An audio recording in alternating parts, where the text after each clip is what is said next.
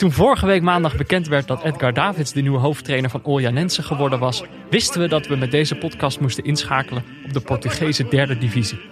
In eerdere seizoenen keken we al naar het Dortmund van Peter Bos, het Sporting van Marcel Keizer, het Anderlecht van Fred Rutte en het Cashpoint SCR Altag van Alex Pastoor. We mogen dan neutrale kijkers zijn, maar ook wij zijn niet immuun voor een Nederlands tintje. Wat Edgar Davids betreft is er alleen één probleem. De Campeonato de Portugal wordt niet altijd uitgezonden. Dus wat doe je dan? Je probeert zo dichtbij mogelijk te komen. En misschien vind je dan niet Edgar Davids, maar iets veel mooiers.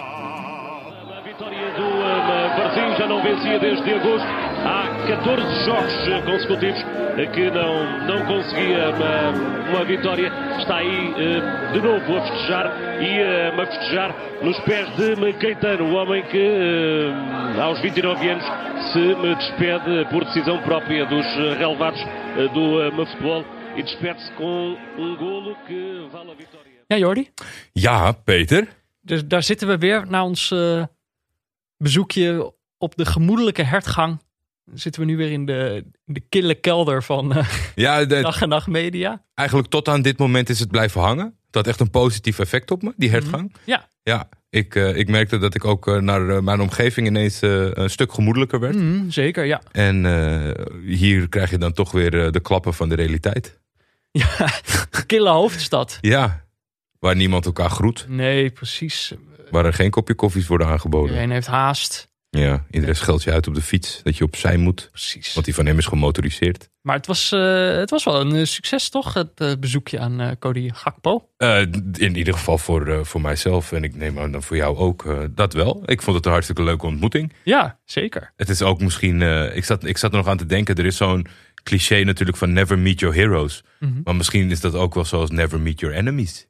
Hoezo? En Ja, het is toch een, eh, een rivaal van. eh, wij zijn allebei eh, uitgesproken Ajaxiden. Mhm. En dan ga je in de week dat de kraker op het programma staat, gaan we op bezoek naar de rivaal. En dan blijkt dat alle aardigste gasten. Ja, dat, Ja, is, dat is ook een beetje mijn voetbalbeleving hoor. Omdat ik, ik vind het wel prettig om. Kijk, als je ze niet ontmoet of niet weet, dan kan je ook een beetje zelf dat imago in stand houden. Ja. Maar Cody Gakpo valt niet te haten. Het is wel inderdaad goed om te zeggen dat het kan. Het, het grappige was dat wij inderdaad een paar dagen voor de, voor de topper tegen Ajax bij hem op bezoek zijn dat we het nauwelijks daarover gehad hebben. Dus voor luisteraars die het nog niet ge- ge- geluisterd hebben, het is een, een tijdloos gesprek. Het heeft niet heel veel te maken met de wedstrijd van zondag. Nee, best wel goed. Had je hem wel gekeken de wedstrijd gisteren? Jazeker, jij ook? Je, want Cody had natuurlijk één eh, belofte gemaakt in, Mhm. in zijn gesprek met ons. Als hij een eh, schaar zou doen, Ik, dan was die voor ons. Ik dacht dat hij er naartoe onderweg was. Tot hij werd eh, eh, ja, op een soort andere manier geschaard door twee tegenstanders van Ajax. Mhm. Wat hem uiteindelijk ook eh, volgens mij een blessure opleverde. Wat natuurlijk vervelend was voor hem. Ja, Ik na dacht- een uurtje of zo ging hij eruit. Die, de aanloop daarvan, ik denk, ergens komt hij. Dit wordt hem. ja, toen kwam daar de druistige Anthony even voorbij. Nee, maar weet je wat het is? Wat ik dacht, kijk, op het moment dat hij, dat hij zegt: Als ik een schaar doe, dan is die voor jullie. Eh, Dat was eigenlijk al genoeg. Want kijk, als had gedaan, dan wisten wij die is voor ons. Ja. Als hij hem niet heeft gedaan, heeft hij dat misschien ook wel juist gedaan, omdat hij ons die, eh, dat geluk niet wilde gunnen. En heeft hij het dus alsnog Voor ons. voor niet ons gaan, niet gedaan. dus het was sowieso goed. Ik was sowieso tevreden. Eh, maar het was een, was een leuk gesprek. Ja, ik en had, eh, een leuke wedstrijd gisteren. naar aanleiding van die wedstrijd had ik nog wel. Kwam ik, kwam, ik, ik had een probleem, Peter. Ik vraag me af. Oh? Ik, ik, ik ben het eigenlijk een beetje uit de weg gegaan. Ik ben benieuwd hoe jij dat zou oppakken. Gedurende de wedstrijd krijg ik een, een, een WhatsApp-bericht. Mhm. Of drie WhatsApp-berichten. Ja. Van een telefoonnummer. Dus dat betekent dat diegene niet eh, is opgeslagen bij mij. Mhm. Zit je in te zoomen op dat fotootje. Dat gaat ook niet altijd even fijn. Ik weet niet zeker wie het is. Maar we hebben dus geen historie. En maar wat dat- stuurt diegene dan? Ja. zit je te kijken. Centrale duo van Ajax, dat kan eigenlijk echt niet, hè? Blind komt telkens te laat. Dus dat vind ik heel erg alsof wij elkaar goed kennen en af en toe over voetbal praten. dus ik heb nu een heel vaag vermoeden dat het iemand is werkgerelateerd. Uh-huh. Maar die heb ik dan ook maar misschien vier keer ontmoet. Ik heb dus niet geantwoord, maar dat vind ik ergens ook heel asociaal. Zeker als het werk gerelateerd is. Maar ik vind het zo gek om. Het is zo vriendelijk benaderd. En dan moet ik vragen, sorry, wie ben je? Dat vind ik ook zo Ja. walgelijk om te doen. Maar toen ben je gewoon, dan heb je gewoon, oh je hebt dus niet geantwoord. Nee, ik heb helemaal niet Ah, joh, je had gewoon terug moeten praten over die wedstrijd en dan hopen dat Gewoon- gaandeweg duidelijk wordt wie het is. Gewoon helemaal meegaan in het gesprek. Ik doe dit al honderd afleveringen. Ik weet ook niet tegenover wie ik precies zit. Op een gegeven moment moet ik er toch achter komen. Nou, dan ga ik misschien gewoon straks nog na de uitzending een berichtje sturen van... eh, nou ja, ik, ben, ik, ik moest er even over nadenken, maar ik ben het wel met je eens. Nou, joh, maar ik zei het een beetje voor de grap, maar dit moeten we natuurlijk wel even helder hebben. Eh, ik zag dat jij eh, op, op Twitter, je had een mooie reclamedeal met Toto. Dan Ja. ik wel, wie zit er nou in deze aflevering? Is dit de Jordi van de vorige aflevering of is dit Koning Toto, Jordi? Zeg maar, waar zit het geld? Waar zit, eh, je zijn jouw zit, eh, meningen echt of je- zijn die van Toto? Je zit nu eh, tegenover de, degene die je ooit ontmoet hebt. En dat zal ook zo De blijven. onafhankelijke, eh, niet Koning Toto. Ja. Maar dat is voor de Het was, luisteraars eh, het was fijn. moeilijk, moeilijk om, om het onderwerp te duiken. Ik had jou geen disclaimers meegegeven, maar laten we doorgaan met de waan van de dag. Ja, oh nou, de waan van de dag. Mensen, we hebben magie vandaag. Ja, Toch? In deze aflevering. Kijk, je bent er gewoon altijd. Je bent er zo lang naar op zoek. Wij in dit seizoen met voetbal kijken. Je probeert toch dat ene, ene magische moment probeer je te zien. Het lukt gewoon heel vaak niet. En als het gebeurt. ik heb het eh, zelfs vandaag eh, in de aanloop hier naartoe van me af moeten twitteren. Dat ik gewoon eh, echt sinds gisteren middag al uitkijk naar het moment dat wij hier samen over kunnen Ja. praten. Ik denk, en het wordt. Oké, we moeten denk ik bij, helemaal bij het begin beginnen. Dan gaan we het dus nu over de, de, de wedstrijd van deze week hebben. We hadden een plan. Hadden we vorige week hadden we dat eh, uitgesproken. Ons plan was. Wij wilden naar Edgar Davids gaan kijken. Ja. Die was volgens mij eh, ook echt vorige week net gepresenteerd. Vlak voordat we gingen opnemen als eh, de nieuwe trainer van Oljanense. Mhm. Ehm, en hij die speelde zondag 12 uur uit bij Lusitano in de Algarve. Op een perfect tijdstip voor ons. Ja, lekker zondagochtend vonden we heerlijk. Eh, we hadden in de rest van het weekend niet, eh, niet zo heel veel ruimte. Het wedstrijdprogramma was niet eh, heel veel beloofd. Dus we hadden eigenlijk alles ingezet op Edgar Davids in de de- derde divisie van Portugal. Ja, Maar daar kom je erachter. eigenlijk hoe verwend wij zijn als neutrale kijkers. En ik dacht ook opeens van dit, dit is natuurlijk ook gewoon een programma wat je 15 jaar geleden nog helemaal niet had kunnen maken. Omdat je dan al die wedstrijden al helemaal niet had kunnen zien. nee. maar dat wij nog het idee hebben dat we misschien de derde divisie in Portugal nog wel te zien kunnen krijgen. Is eigenlijk een heel groot compliment voor wat er allemaal al te zien is. een heel groot compliment voor de markt. Ja, nee, dat, is- dat is absoluut waar. En ik, ik, ik krijg al, ik zat een beetje te zoeken. Het is volgens mij ook een competitie die niet per se op, eh, op livescore wordt bijgehouden. Wel op andere, wel op andere concurrenten van ze. Ben ik, eh, ben ik natuurlijk achter de uitslag gekomen en, en het spelverloop. Eh, maar dat is wel een indicatie of het te vinden is of niet, zeg maar. Ja, ja, ja. Dus- Wordt het een beetje bijgehouden. Ja, maar ja, je weet het nooit. Er is heel veel. Ik heb eh, alle mogelijkheden gedaan. Ik heb gezocht op de broadcasting rights van de Campeonato. Ja. En nou, daar zat nog wel een dingetje. Oh. Dat ik dacht van, oh, misschien eh Abolla TV. Eh, Abolla, eh, Abolla is volgens mij het grootste sportconcern in, in, in Portugal. Mhm. Dat die het dan zouden hebben. Maar bij internet weet je ook nooit of dat over de rechten gaat van tien jaar geleden of die van dit jaar. En toen was er niks. Toen had ik nog een, nog een oproepje gedaan op Twitter. Want ja, ik ben er redelijk goed in. Maar er zijn altijd mensen beter. Mhm. En nou ja, dat duurde helaas net te lang voordat daar bericht over kwam. Dus toen moesten wij doorschakelen. En wat was jouw oordeel nou? Het, is, het, wordt soms uitgezonden. Het wordt soms uitgezonden. Ja. Er, is een, er is een kanaal, eh, eh, eh, Elf. Mhm. Dat zal je waarschijnlijk eh, in het Portugees eh, ja, ik weet niet wat dat is. elf doen, dat weet ik ook niet. Eh, het hele gekke was, na, na de wedstrijd kreeg ik dus een linkje van de wedstrijd. Toen dacht ik, nou, hier heb ik niet zoveel aan. Nee. Is ik klikken en ik zie iedereen in de catacombe en eh langzaamaan naar buiten staffelen. dus je kon het wel terugkijken. Ze gingen het integraal uitzenden na afloop. Oh jeetje. Met de uitslag al bekend, dus dat was super raar. Maar ja, ik was natuurlijk, ik zat wel helemaal in de Portugese modus. Dus ik ging nog even een Ja. stukje kijken. Maar kijk, dus het probleem was, wij wilden, wij wilden kijken naar, naar de hand van Edgar Davids in, Ja. eh, in deze Portugese derde divisieploeg. Ehm, maar ja, die konden we dus niet zien. En toen was jouw plan, eh, jouw plan was, we gaan gewoon proberen de ervaring van die wedstrijd zo goed mogelijk te benaderen. Ja. Dus wat hebben we gedaan? We hebben een wedstrijd genomen, niet heel ver daar vandaan. Eh, Letterlijk. letterlijk. Het, de wedstrijd die een kwartiertje later begon. Eh, het was, ik heb even op Google Maps gekeken, het was 67,5 kilometer verderop. Hemelsbreed. Mhm. Moet wel heel ver omrijden. Dus ik denk omdat het een beetje de bergen eh, ligt en zo.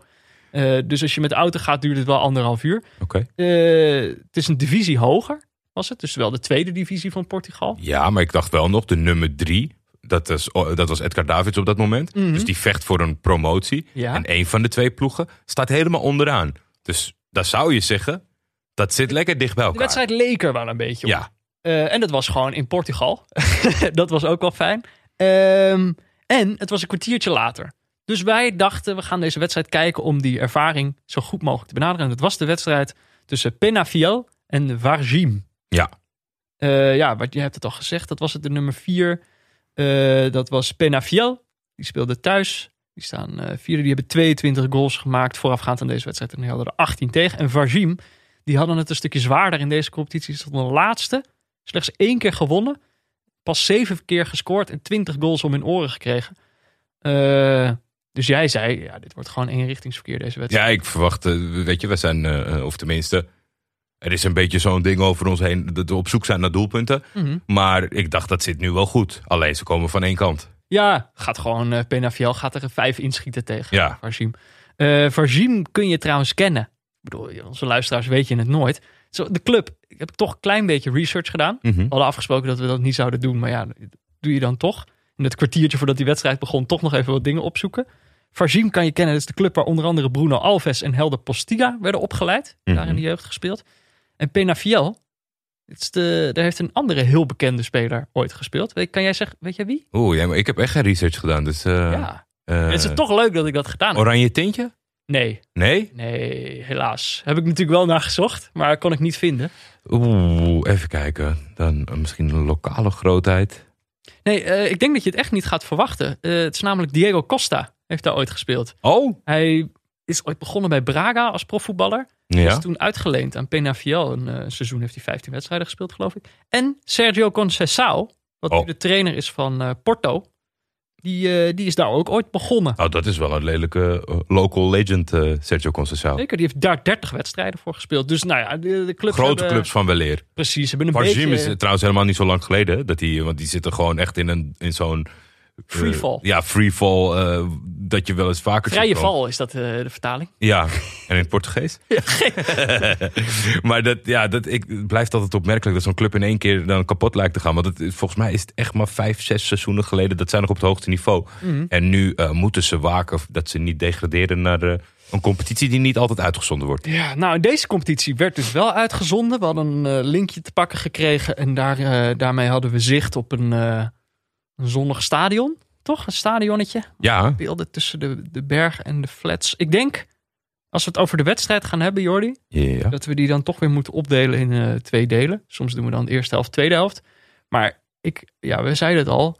de- we hebben magie in de aanbieding vandaag. Ja. Maar dat wisten Kijk, met magie is het ook zo. Van tevoren weet je dan nog niet altijd dat het komt. Dus we gaan het eerst hebben over de wedstrijd die we dachten dat het was. ja. En dan dacht ik na, de, na onze rust, dus na het sponsorblokje, gaan we het hebben over de, ja, dus de magie die deze hele wedstrijd op zijn kop heeft gezet. Het verhaal. Nou ja, gewoon eigenlijk hetgene waarom wij deze podcast maken. Het begon uitstekend. Want ik had eerder beeld dan jij. Mhm. Eh, want ik keek op eh, Sport TV.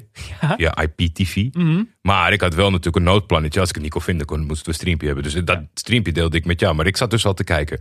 En ik dacht, hé, hey, supporters. Nee, dat kan toch niet? het waren geen supporters, want ze bewogen niet. Dus ik ben op een gegeven moment gaan letten op het, het, op het middenshot. Wat natuurlijk veel in beeld is. Ja. Maar die, het, ze bewogen niet. Dus er stonden drie poppen. Drie poppen hadden ze een beetje zo over de tribune. Ze wel nog Uitgedost als harde kern. Die zitten in één, ja, in één vak. staan dan drie. In, in de hoek van één vak staan drie poppen. En één van die poppen heeft een vlag in zijn hand. Ja, maar ik vond het echt een uitstekend detail. Want je hebt alles al gezien, zeg maar. Van hoofden uitgeknipt en beertjes. En. Kartonnen, kartonnen borden. Ja. Maar dit waren etalagepoppen. En aangekleed als, als, als, als de fanatieke aanhang, als hooligans. Ik- Ja, daar hangt een eh, spandoek voor. Ik had er een screenshot van gemaakt. De Pena Boys. de Pena Boys. Ik denk dat dat dan de, geen, zijn. geen lekkere naam, vind ik van de Pena Boys. Kan beter. Maar ja, nee, het zag er ook niet dreigend uit. Maar Had je trouwens ook gezien, want er zaten dus op de tribune Ja. zaten drie poppen. Maar het staat, kijk, dit is natuurlijk een, eh, een lekker stadionnetje dat niet eh, aan alle kanten gesloten is. Er zaten aan twee kanten tribunes, geloof ik. Ehm, maar zeg maar achter de goal was het gewoon helemaal open.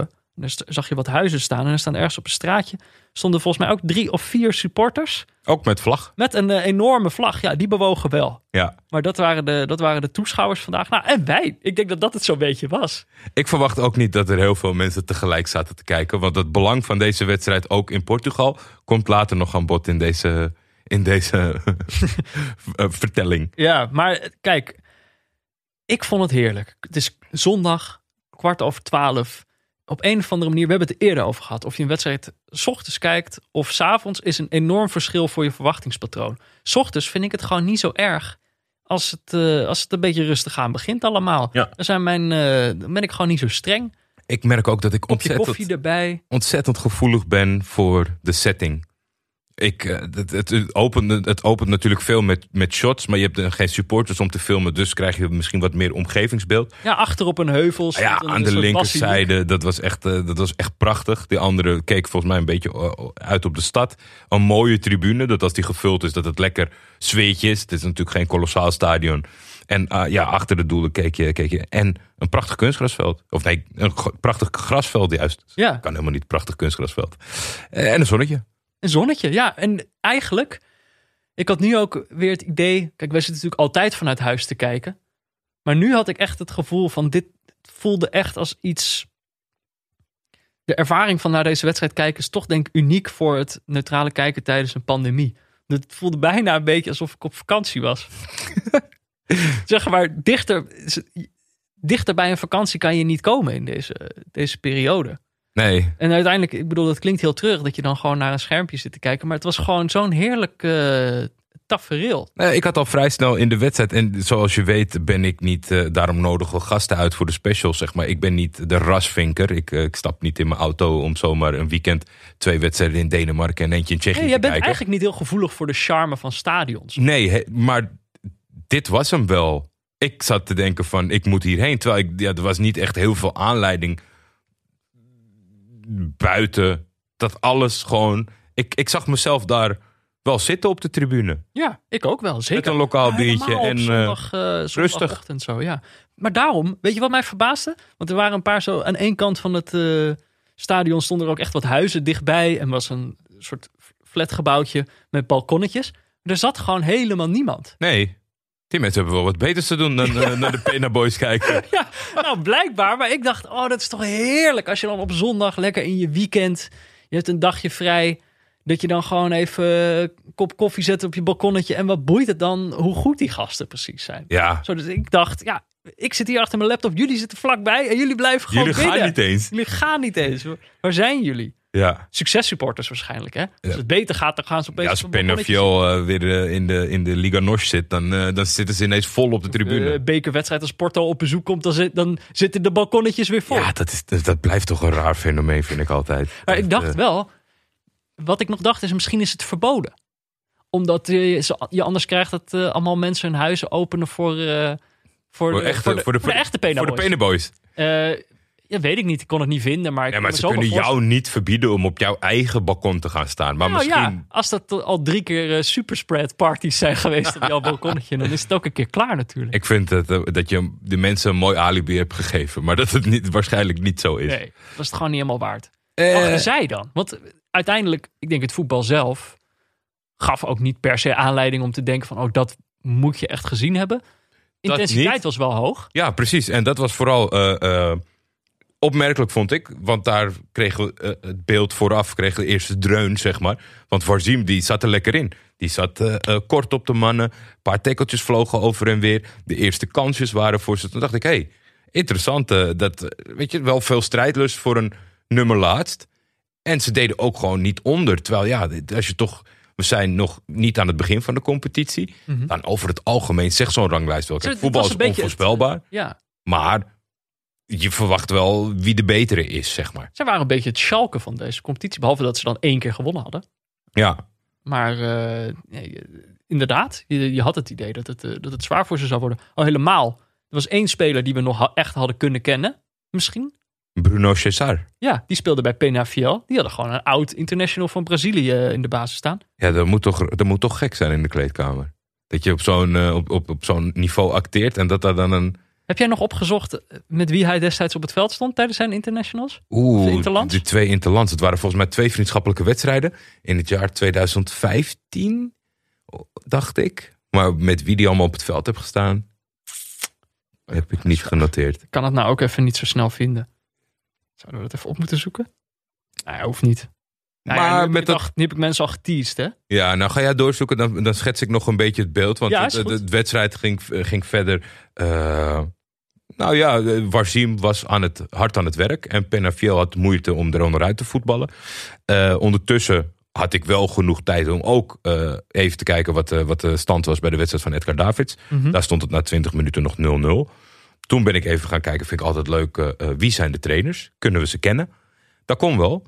Want er zat veel kruisbestuiving tussen. De trainer nu van Varzim, die het een aantal wedstrijden heeft, geleden heeft overgenomen, was Miguel Leal.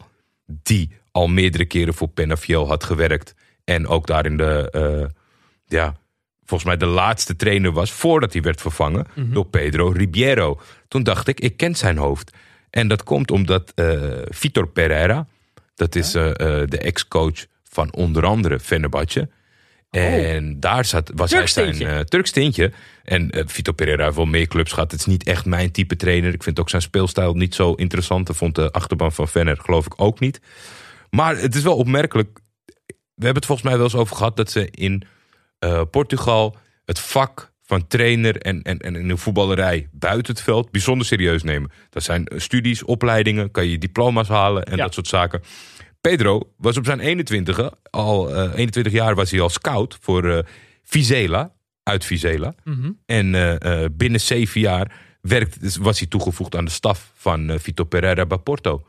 Dus het is daar echt wel gewoon, je kan er gewoon Het is echt studeren. een carrière. Ja. Het is niet zo van je moet eerst 100 interland spelen en dan mag je directeur worden van, eh, Nee, van Ajax. dat zorgt misschien voor een stukje zakelijkheid in Ja. de Portugese spelopvatting. Mhm. Maar aan de andere kant zorgt het ook wel gewoon dat de deur open staat en dat het continu ontwikkelt en roleert.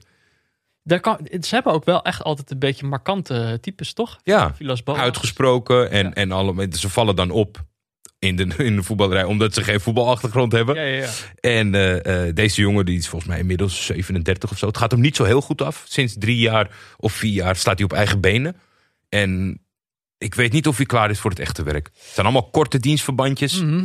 En eh, eh, ja, ik, ik heb nog niet eh, de Pedro Ribeiro-stijl kunnen ontdekken. Zo halverwege de eerste helft. Nee, maar uiteindelijk wat ik ook al zei, het voelde alsof het ook niet echt... de reden om naar die wedstrijd te kijken zat niet per se in het voetbal zelf. Mhm. Het zat gewoon lekker in de sfeer, de ervaring. Ik heb trouwens gevonden, Bruno Cesar, twee interlands voor Brazilië inderdaad. In totaal bij elkaar 147 minuten gespeeld. Dus hij heeft eh, twee oefeninterlands in november 2011. Eentje Oh, tegen. Gabon en eentje tegen Egypte. Even kijken, tegen Gabon wonnen ze met 2-0. Stond hij op het veld met onder andere David Luiz, Hulk, Hernanes. Verder wat onbekende namen. Jonas in de spits, dat is dan misschien wel die... eh, is dat die nou, weet ik niet. Zou dat die jongen van Benfica zijn? Hm, Zou kunnen? ja. Ik zie verder Fernandinho, Dani Alves, Alexandro, Thiago Silva. Maar geen, eh, een beetje een vreemde selectie. Dat was tegen Gabon. Het was lekker oefenen. De oefenen. bondscoach wilde even van alles zien. Ja, en toen hebben ze nog tegen Egypte gespeeld. Ook 2-0 gewonnen. Lucas Leiva zat er toen bij. Ook weer Hulk. Dani Alves. Ja, dus niet een heel vreemde selectie. Maar ja, als je met die jongens op het veld hebt gestaan. En je staat dan nu opeens bij Penafiel eh, te, te voetballen. Hij viel niet op.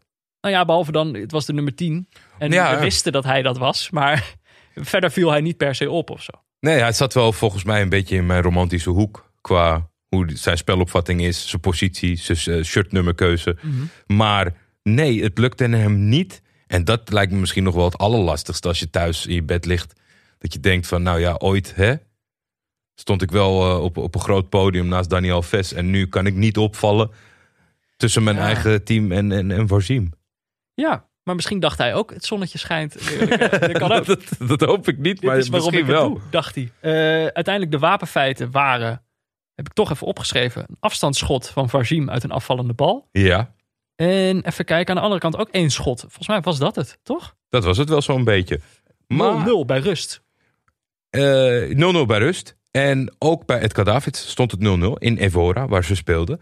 Heel Eh, dichtbij qua ervaring. Ja, en volgens mij eh, gaat er in het landschap in Nederland ook binnenkort het een en ander veranderen. En daar zijn ze in Portugal al wat verder mee. Eh, meteen na het laatste fluitsignaal sprong de televisie op de quoteringen van de lokale bettingpartij. Of tenminste lokaal, de grootste. Of degene die ervoor betaalt, Betmax. En toen werd er toch een soort van... het was een prikkelend berichtje. En dan werden de quoteringen Ja, was, maar het was eh, geen afspiegeling van wat ik op, eh, op het veld had gezien. Eh, de- voor een thuisoverwinning was het 1,57 en voor een uitoverwinning 4,75. En dat vond ik niet een reële. Op basis van wat wij tot nu toe hadden gezien, was het niet ondenkbaar dat Varzim per ongeluk zou scoren. Ze konden meekomen in de wedstrijd. Ja, en ze kregen, ik bedoel, het was niet alsof PNVL allemaal grote kansen hadden ge- gehad en dat het wachten was tot die bal zou vallen. Ehm, maar ja, uiteindelijk was dit wel de situatie waar we in zaten. Een beetje gezellig voetbal kijken. Het, het kan een beetje beide kanten op. Dat was het. Maar toen moest de echte magie. Nog Die moest nog, komen. die moest nog komen.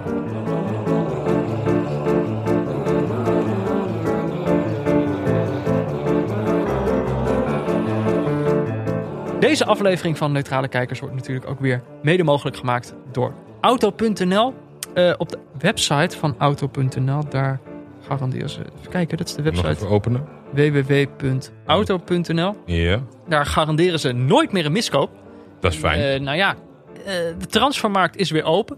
De ploegen kunnen weer miskopen doen. Ze zijn nog een beetje eh, aarzelend. Aftastend. Misschien toch, toch een beetje bang. Maar, kijk, uiteindelijk, onze luisteraars weten ook... het is de afgelopen dagen...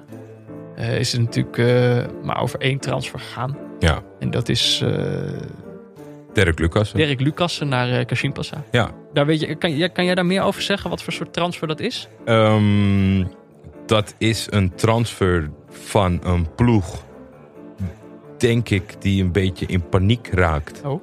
Zitten niet heel ver boven de degradatiestreep. Ze hebben in het verleden wel wat eh, eh, spelers kunnen verkopen. Ze hebben daar ook wel leuke namen gehad. Goede ervaring met Nederlanders, toch? Zeker, Ryan Babel heeft daar gezeten. Ryan Henk Donk. Ja, Ryan Henk Donk heeft daar gezeten. Hebben ze ook allemaal geld op verdiend. Andres Isaacson had een PSV-verleden natuurlijk. Shabri Malki, de tank van Damascus. Zo. Niet te vergeten. Tanks overigens niet te kopen auto.nl. Eh, en ja, Dirk Lucas eh, toch wel een soort van op een zijspoor beland in Nederland. Mhm. En toen, eh, eh, wat volgens mij twee verhuurperiodes. Want hij wordt gehuurd van PSV. Zeker. En ja, benieuwd hoe die daar weer, eh, of hij daar eh, wel tot zijn recht komt. Is het niet een beetje.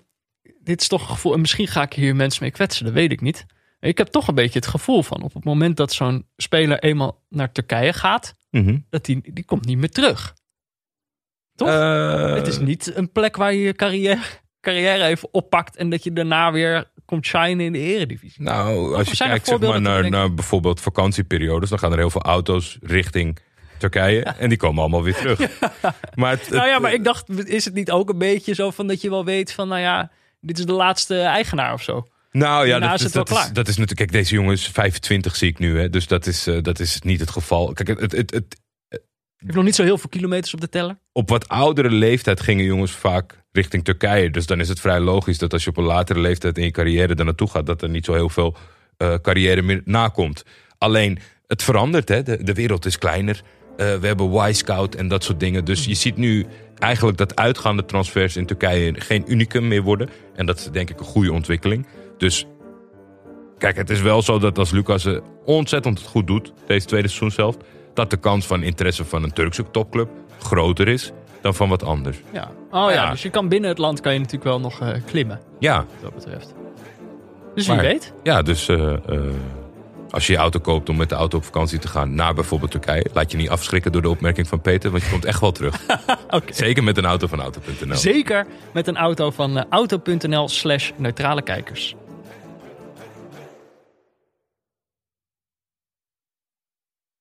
We moeten dit denk ik heel zorgvuldig opbouwen. Ja. Ehm, om, om op de juiste manier over te brengen wat wij precies hebben gezien. Ik moet nog heel even iets meegeven voor de magie voor mij ontstond. Want jou, jij zag, jij hebt eerder van de magie kunnen proeven dan ik. Want jij kijkt op een stream, Mhm. ik kijk op tv. Ja, mijn stream. Het, het, het leuke is, soms heb je zomaar een, eh, een stream te pakken. waarin in de rust niet echt wordt eh, weggeschakeld. Dus dan gaan ze niet naar reclames of zo. Dus dat je eigenlijk een heel. misschien nog wel een extra serene ervaring krijgt. Want dan krijg je gewoon in de rust. krijg je dat lege stadion. Je rent op een gegeven moment zo'n ballenjongen. die rent even over het veld. Eh, verder gewoon shots van de omgeving. Dus ik had een heel rustig. Ik heb allemaal screenshots zitten maken. Misschien kan ik die nog wel delen. op, Toen, eh, toen had ik het idee van wij zitten niet naar dezelfde uitzending te kijken. Want ik zat dus al gewoon. Want ik denk ook dat jij misschien die quotering helemaal niet hebt gezien. Nee. Dus ik zat gewoon Ik denk al, op, waar de, heb je het over? op de commerciële zender te kijken. En we gingen naar een reclameblokje, niks aan de hand. Ik pak even een kopje thee, Mhm. kom terug. Eh, Jij zit opeens naar het Portugese journaal te kijken. Ja, maar komt een, komt een hartstikke gelikte man. Die komt aan een tafeltje met een, met een gele plus. Die komt mij vertellen eh, dat AS Roma voorstaat tegen Inter. En ze laten het doelpunt zien. Dat was het nieuws van een kwartier geleden. Dus ik dacht eerst nog, misschien breaking. Maar dat was helemaal niet breaking. Maar gewoon, toen dacht ik, nou ja, oké, misschien gaan we daarvoor heel even eruit dan. Beginnen ze over Sparta Feyenoord. Dat ik denk, ja... Breaking. Hoezo ook een kijker van Penafiel tegen Farzim die dat wil weten? Want ah, Dan ga je dan naar die andere dan ga wedstrijd je kijken. kijken wel naar die andere wedstrijd. Ja. En toen begon ik me toch echt zorgen te maken. Want toen gingen we nog naar andere sporten toe. Ik denk, ik moet nu ingrijpen. Ik greep in toen er gescoord was. Je hebt pas na deze goal ingeschakeld. Ik heb het doelpunt van... Dus ik geloof het ook misschien niet. Want de doelpunt te maken was de Bruno Cesar. Die Ja. zo ontzettend tegenviel. Was toch Eh. de eh 1-0 al gevallen. Ja, 53ste minuut. Penafiel, eh teruggetrokken voorzet. Dat gebeurt eh, toch eh, heel vaak. Inderdaad, het schot van eh, Bruno Cesar. Binnenkant paal. Dus keeper die hem net dan niet... Die kan er net niet bij. Precies zo tussen zijn handschoen en de, de paal gaat die bal eh, binnen. En dan zo via de binnenkant paal. Hij gaat niet meteen over de lijn. Dus hij rolt eerst nog over die lijn. En die keeper ligt al op de grond. En die kruift een beetje zo achter die bal. En die bal gaat tergend langzaam over de lijn heen. Maar eh, nou ja, hij zat, volgens mij komt daarna nog een speler om er echt in te rossen. Ja. Ehm, maar ja, toen was het dus eigenlijk. eh, kijk, als het op het moment dat het gebeurt. Je had het net over de, de odds, de, de quoteringen. Dat je zegt, nou, het kan net zo goed de andere kant opvallen. Maar op het moment dat hem maakt, denk je van, oh ja, Nu is het klaar. dit is toch wel een beetje hoe deze wedstrijd eigenlijk gaat. En eh, Daar was ik wel klaar, een beetje bang voor. ja, was ik ook eh, bang voor. Maar, en ik denk dat we hiermee eigenlijk al geluk hebben gehad. Hiermee wordt namelijk de basis voor de magie gelegd. Gewoon, je moet snel tegenscoren. Dat is eigenlijk dan toch de bedoeling. Ja. De enige manier waarop je het kan redden is scoren voordat Penafiel het... eh, Dichtgegooid Dichtgetimmerd. of uitbreid. ja, en de 61ste minuut, dus eh, nog niet eens 10 minuten later, is het al eh, raak voor Vajim.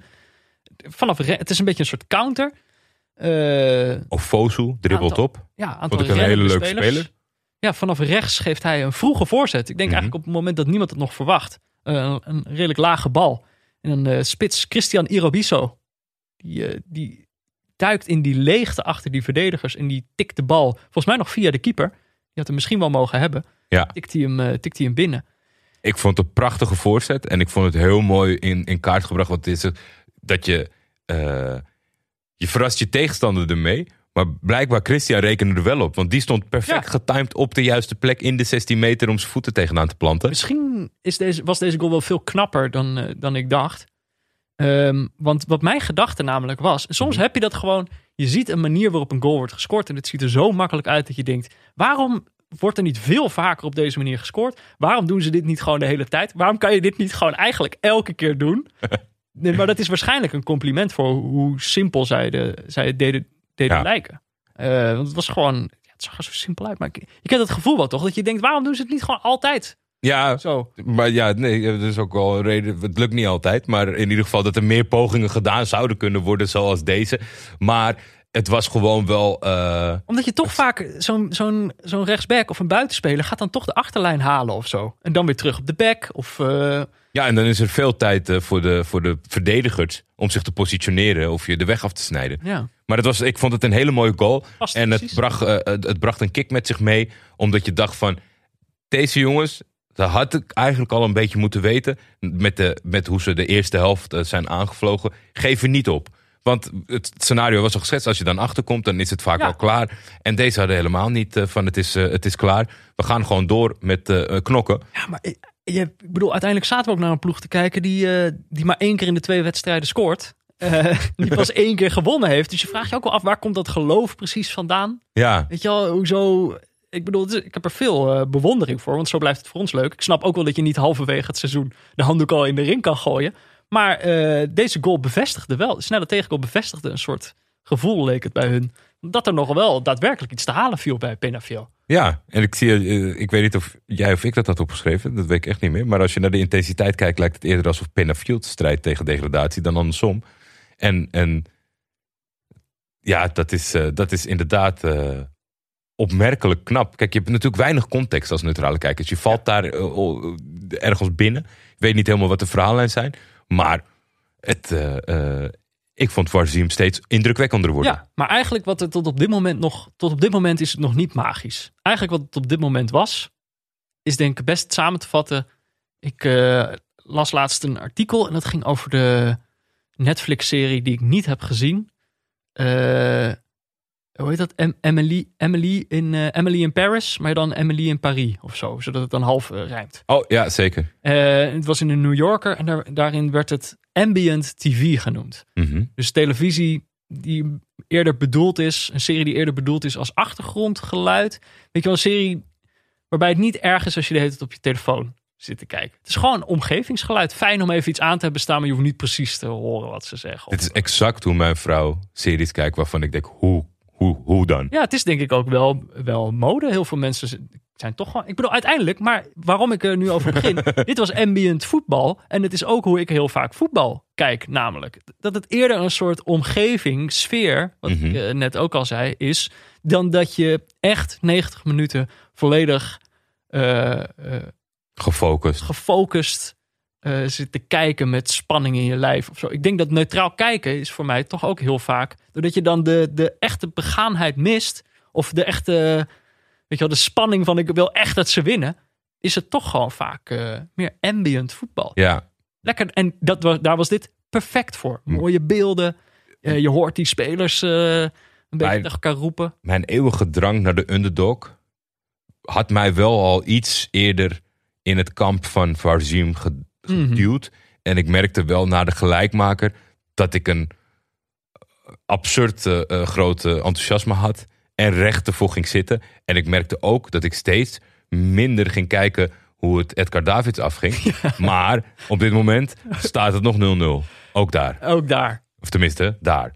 Meteen na die 1-1 krijgt die Erebiso nog een kans. Ja. Dan vanaf links een eh, voorzet. Geen vroege voorzet, maar wel. eh, ik denk dat hij zelf pas nadat hij hem raakt en hem in het zijnet schiet, pas doorheeft. Oh shit, dit was een hartstikke grote kans. kans. Ik had meteen eh, in, in, in één minuut twee doelpunten kunnen maken.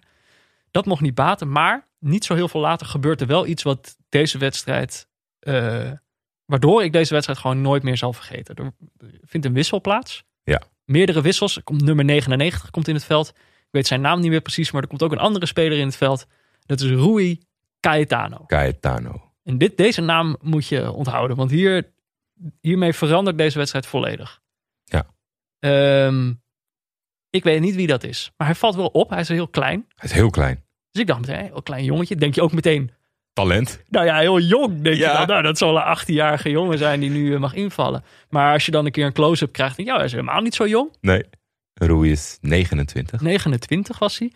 Ehm, Rui heeft flair. hij heeft zeker flair. Je zag bij de eerste paar balaannames zag je al, oh, oké. Ja. Daarom dacht je ook, hij, hij had iets jeugdigs. Daarom Ja. dacht je ook, Ja, dat enthousiasme, dat, dat, dat, ja, dat doe je dan, dat koppel je inderdaad aan de jeugdigheid van iemand. ja. Maar eh, Sommige eh, spelers hebben die kwaliteit gewoon. Die kunnen ook op een 29ste nog spelen als iemand van 16. de, de, voetjes, de voetjes zijn magisch. Als er een bal half hoog komt, dan neemt Rui hem aan met zijn buitenkant. Ja. En dat is, dat is En belangrijk. het is toch grappig. Dat valt altijd meteen op. Als een speler dat op zo'n niveau is er ook gewoon echt nog wel een niveauverschil qua eh, techniek. Mhm. Ik heb daar over het algemeen niet een supergoed eh oog voor. Eh, want uiteindelijk dacht ik bij deze wedstrijd, dacht ik gewoon, oh, dit is best wel goed voetbal. Het is pas als je daarna Ajax PSV zit te kijken dat je denkt, oh deze gasten zijn allemaal echt veel beter in voetbal. Terwijl als ik alleen één wedstrijd zie, valt mij niet op wie technisch, nou weet je wel, dan zie ik die verschillen over het algemeen niet zo. Niet zo goed. Maar Nee. Rui Cayetano is gewoon een ander, eh, ander En level. natuur, natuurtalent. Dus dat, dat, dat trekt ook ontzettend dan aan jezelf van, weet je, ik, ik, ik wil hier meer over weten. Je typt zijn naam snel in bij Google, kijken wat, Ja, wie is het wie is nou? Want je wil, je wil meer van hem weten. Eigenlijk met het beeld wat geschetst wordt, dacht ik ook nog van, wauw Peter, wij hebben iets ontdekt. Dan kunnen we over tien jaar zeggen, Rui Coitano, die hebben wij nog steeds voetballen bij, eh bij Varzim Ja, toen, hij, toen hij 13 was. Ja, een jongen die op een gegeven moment de stap maakt naar, naar Benfica en daarna misschien nog wel hoger. Ja, Ehm, maar nee, hij was dus inderdaad 29. Maar ook niet te veel googelen, Jordi. nee. Ogen op het scherm houden. Eh, want dit was helemaal geen ambient voetbal. Er ging namelijk iets historisch gebeuren. In de 82ste minuut. Ja. Bal is op links. Ik weet niet precies wie dit was. Misschien was het ook wel die Irobiso. Ja, want eh, de- oh, mijn, mijn favoriete de rechtsbuiten was al vervangen. Of Ja. Fosu. Maar eh, eh, ik durf het ook eigenlijk niet te zeggen. En ik heb, ik heb de. Ik denk dat het Irobiso was. Want hij geeft hem vanaf links met, met zijn buitenkant rechts geeft hij de bal voor. Ja. Hoge voor. De bal gaat veel te hoog. Maar die komt dan eigenlijk, eh, die valt over de beide centrale verdedigers heen. Van Penafiel. En dan staat daar opeens iemand. Een heel klein mannetje. Rui Cayetano. En gewoon uit de lucht, die hoge bal. Ja. Hoge boog. Uit de lucht. Met die gouden techniek van hem. eh, neemt hij hem gewoon in één keer uit de, eh, in- met een volley. Knalt hij hem keihard tegen de touwen. Dat is een fantastisch doelpunt. Ongelofelijke goal. 1-2 Varzim. Het ontploft volledig. Ja. Toch? Er zit niemand in het stadion, maar toch, er, er, er zindert dan iets op dat veld. Er is een speler gewisseld met een schouderblessure. Die mee gaat hossen in, in het rondje wat ze maken met z'n allen. Ja, en want die je- spelers... wat er gebeurt is, Caetano die rent meteen zo naar de, naar de zijlijn. Al die spelers eh, omhelzen hem alsof hij ja, de winnen in de Champions League heeft gemaakt. in een kringetje. En er wordt natuurlijk veel geslagen en, en gehost. Ja, en, dus en je die ziet die die jongen met het pijn in zijn gezicht. Wil die toch meedoen? Dat, ik vond dat zo'n prachtig moment. De, echte, de tranen stonden in zijn ogen. Maar toch wilde hij even meejumpen. Er was iets... ge- ik bedoel, ik dacht, zijn ze nou zo blij met deze goal? En ook Caetano die wurmt zich los uit die menigte. Hij trekt zijn shirt uit. En Ja. dan blijkt dat hij dus twee shirts aan heeft. Dus hij had gewoon twee keer, hetzelfde, twee keer hetzelfde shirt aan. Hij, hij had dit al gepland of zo. Trekt dat shirt uit. eh, loopt naar een bepaalde plek. Zit ergens in de buurt van de camera's. Dus hij loopt ook een beetje zo richting de, de camera's. En gooit dan zijn shirt de lege tribunes in. Maar hij is klein. Dus hij redt het niet dat hij het kan gooien naar degene die het moet Nee, ontvangen. want dus hoog die, zit dan toch nog wat familieleden, geloof ik. Ja. Gooit het naar zijn, naar zijn vrouw of vriendin. die moet half over de reling bungelen. Om bij dat shirt te komen. Om dat shirt omhoog te plukken. En nou ja, hij loopt weer terug het veld in. Hij krijgt, eh, hij krijgt geel. Eh, en ik bedoel, wij denken dat dit gewoon de reactie is op een... Laatste plaats. Op Misschien. gewoon- precies, op, op een keerpunt in het seizoen of zo. Van eindelijk lukt het en een ploeg die er... eh, maar er was hier veel meer aan de hand. Ja. En dat is dan wat we vervolgens gingen onderzoeken. Ehm Caetano was namelijk tot vorig seizoen nog speler van Penafiel. Ja. En daar werd zijn contract toen niet verlengd, waardoor hij de overstap maakte naar Varzim. Dat is al, denk je, oh, saillant. Ja. Weet je wel, de club die zijn contract niet wilde verlengen. eh, en dan naar een andere club gaan en dan de winnende maken tegen ja, invallen. En de winnende maken tegen je oude club. Denk Droom, droomscenario. ik snap waar dit, eh, Waar deze komt. emotie vandaan komt. Eh, maar er was nog meer aan de hand. Ja, er was zeker nog meer aan de hand. Want het, hij is in de 75e minuut ingevallen. Wij hebben hem een kwartier kunnen bekijken. Mhm. Maar dat was wel het laatste kwartier Dat hij ooit heeft gespeeld. van zijn carrière. Ik kreeg, ik weet niet of jij dat op jouw zender nog te zien had. Of dat je inmiddels ook op mijn stream keek. Eh, hij werd natuurlijk na de wedstrijd geïnterviewd. En gewoon helemaal Hij was man of the eh, match. eh. ja, tuurlijk. Gewoon in tranen. Ik bedoel, ik kon er ook niks van verstaan. nee, dat is wel vervelend in dit soort situaties. Maar ik dacht, wat uiteindelijk waar je dan ook achter komt, hij kwam uit de buurt ook bij Penafiel. Ja. Dus in mijn, in mijn hoofd had ik al helemaal ingevuld van, oh, hij is, hij is in deze buurt opgegroeid. Eh, zijn familie is voor deze club of zo. En hij is toen in de steek gelaten door die club. En Weet je wel, dat, dat dat alle emoties waren die in hem losmaakten. Maar een dag later uh, stuurde hij mij het bericht door dat hij waarschijnlijk in dat interview aankondigde dat hij ging stoppen. Dat het zijn afscheid was. 29 jaar stoppen. Midden in het seizoen. Ja, Eh, hij gaat zich richten op, eh, op de family business. ja Ik heb nog niet kunnen traceren wat de family business is.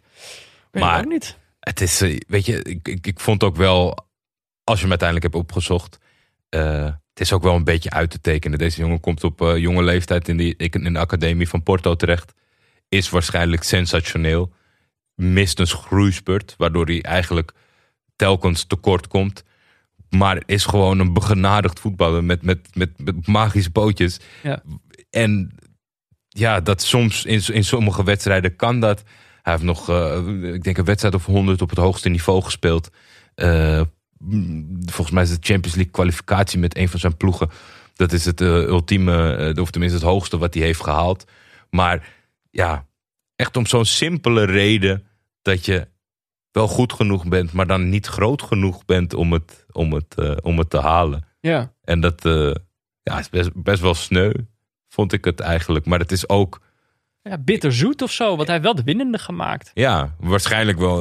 Op de lange termijn zouden we kunnen weten hoe belangrijk dit doelpunt is eh, gebleken voor ja, toch het tegenhouden van de vrije val van Varzim. Ja, Maar vergeten doe je Rui Cayetano nooit meer. Nee. eh, om toch even voor de, voor de administratie die wedstrijd afmaken, want er waren natuurlijk nog wel enkele minuten te spelen. Er kwamen ook zes minuten extra tijd bij. Dat waren gewoon zes minuten waarin Varzim gewoon ging kijken hoe, hoe hoog ze de bal de tribunes in konden knallen. En dat kon steeds hoger. Ik moet Ja, wel ik dacht, Op een zeggen, gegeven moment liggen al die ballen gewoon in de tribune en is de wedstrijd klaar, dacht ik. Maar zo, zo lang kregen ze ook. zes minuten blessuretijd kwam er wel bij. En het was echt iedere poging eh, die hoger kon, ging ook hoger. Dat Ja. was echt gewoon, dat, ja, soms weet je, je zegt het snel van de blind wegtrappen. Maar dit was echt blind wegtrappen voor zes minuten lang. En Penafiel is voor mij gewoon redelijk door de mand gevallen. Want weet je, het was ook niet zo dat deze ploeg even kon bijschakelen. Dat ze een slechte dag hadden. Maar er is geen kans meer geweest. Nee, dit is, en ik bedoel, dit was natuurlijk de nummer vier van, de, van deze competitie. Dus een ploeg die misschien eh, ergens wel wil proberen om te promoveren naar de, de hoogste divisie. Ja. Ja, op basis van wat we hier zagen, gaat dat niet gebeuren. Ook niet met een eh, oud Braziliaans international. Nee, Eh, denk ik ook niet. en het laatste beeld dat ik zie eh, in, in deze stream is Rui Caetano. Die op handen wordt gedragen, letterlijk door zijn medespelers. Of hoe noem je dat? Als ze hem zo de lucht in. Gejonast. Gejonast. En ja, prachtig. En gewoon, ik kon gewoon eigenlijk niet geloven dat, dat we dit hadden gezien op zo'n rare, toevallige manier. Weet je wel, we wilden een andere wedstrijd kijken. Jij zei tegen mij van, kom we kijken deze wedstrijd. Toen dacht ik, nou ja, oké, hoe, hoe, maken we daar dan iets interessants voor, voor deze aflevering? En toen dacht ik, nou ja, we gaan het gewoon toch helemaal benaderen vanuit Edgar Davids. Een wedstrijd die we niet gezien hebben.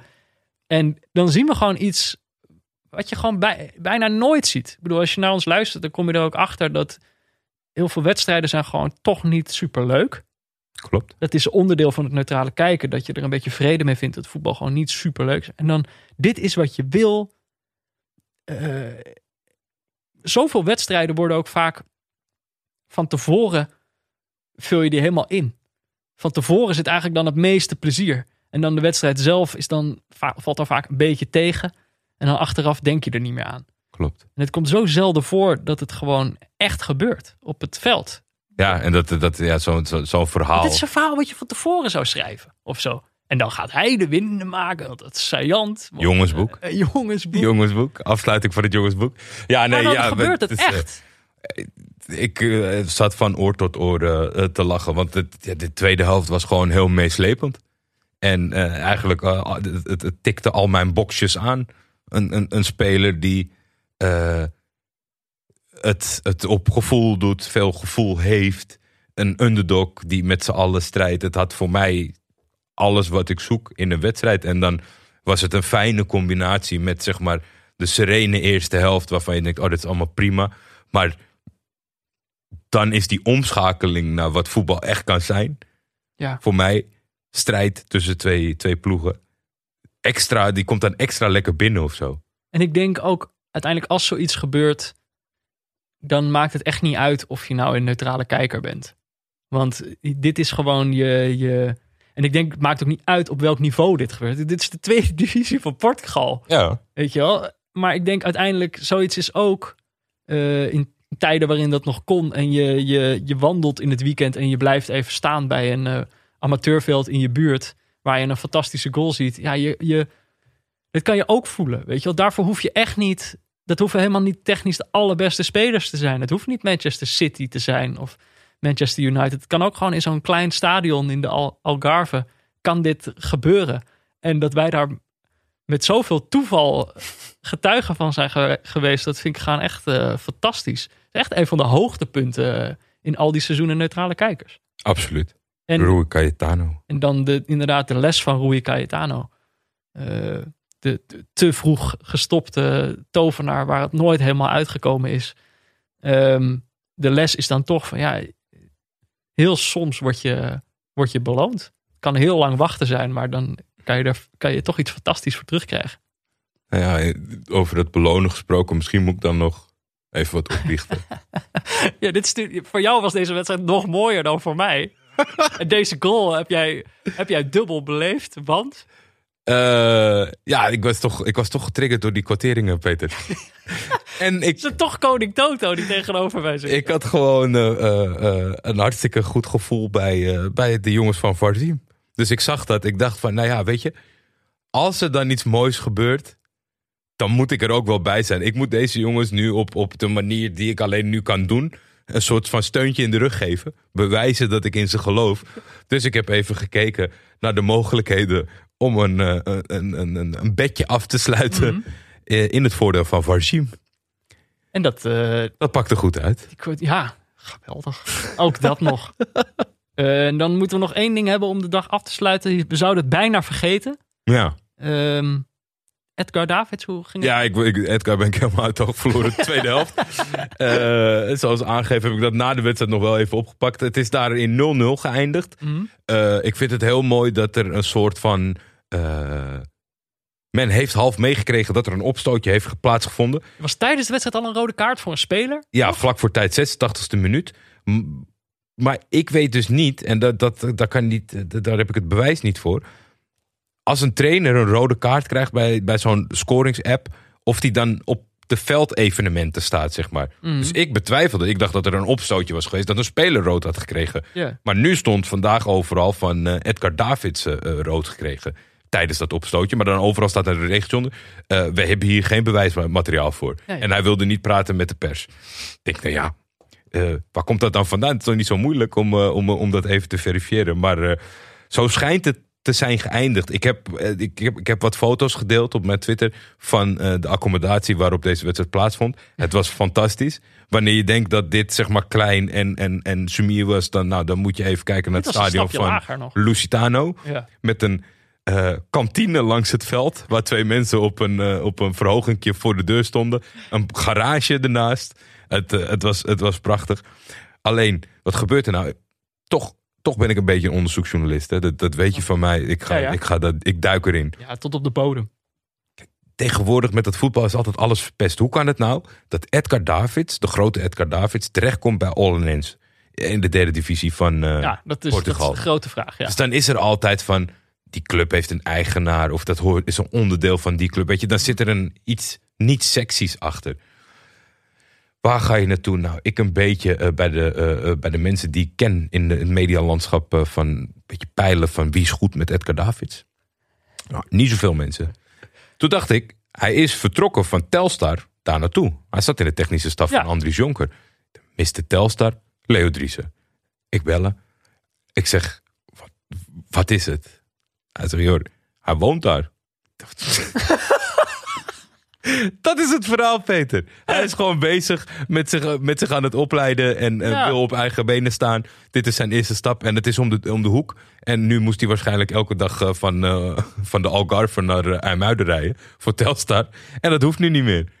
Ja, ik waardeer echt het avontuur. avontuur. Dat hij, ik bedoel dat hij, Dat hij zich bij daar niet te groot voor voelt. Ja, we hebben bij Barnet al zo'n rare klus gedaan. En dan, Ja. eh, dit is eigenlijk nog wel een stapje gekker. Daar voelt hij zich ook niet te goed voor. Het is geen paradepaardje die zegt van nee, het, eh, ik wil alleen... eh, Weet je wel wie ik ben? Ja, nee. hij gaat gewoon dit doen. Dat waardeer ik wel. En we hebben geprobeerd om die ervaring te benaderen. Ja. En we zijn toen gewoon wat anders tegengekomen. Dus we hebben het, ja, ja, we hebben het geprobeerd om iets van Edgar Davids te zien, maar we, we zagen Rui Cayetano.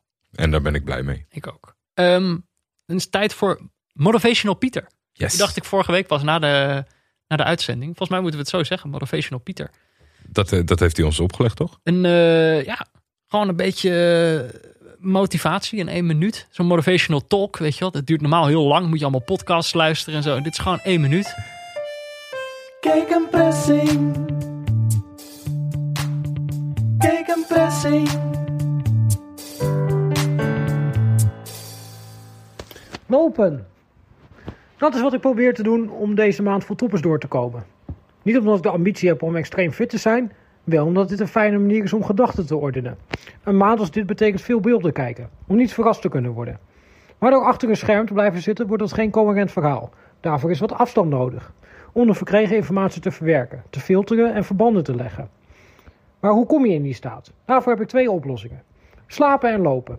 Na die eerste ac- activiteit ben ik in schrijfwerk het productiefst. Maar ik kan moeilijk vijf keer per dag gaan slapen. Dat is waar lopen zijn functie heeft. Een wandeling heeft het unieke vermogen om alle gedachten weg te werken en ruimte te scheppen voor een ingeving. Wat dat betreft is het net voetbal. Je moet de omstandigheden creëren om mazzel te kunnen hebben. Kijk een pressing. Kijk een pressing.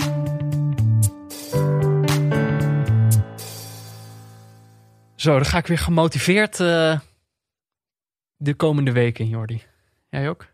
Absoluut. Absoluut. Ik heb dit. eh, ik denk dat ik. eh, misschien moet hij een soort van iets eromheen bouwen. Ik denk dat mensen dit, eh, dit meer willen. Een dat subscription hoeft- model. Dat, dat hoeft niet gratis. Pieter, als je luistert, er zit een model in. Even kijken. Ik wilde eerst even beginnen met wat updates. Ja. Vorige afleveringen. Er is natuurlijk weer FA Cup gespeeld. Ik heb het eerder een keer gehad over Chorley. Ja. Die toen, wat was het? Club van het eh, twintigste niveau in, eh, in Engeland. Die dan een... eh, Zijn dat die jongens die steeds Adele zingen in de kleedkamer? precies. Toen had ik iets laten horen in deze podcast. Over dat zij Adele aan het zingen waren in de Ja. kleedkamer. Zei ik, oh, dat is grappig. Een beetje onorthodoxe keuze. Ehm, het is ook dat, wat is het? Nevermind.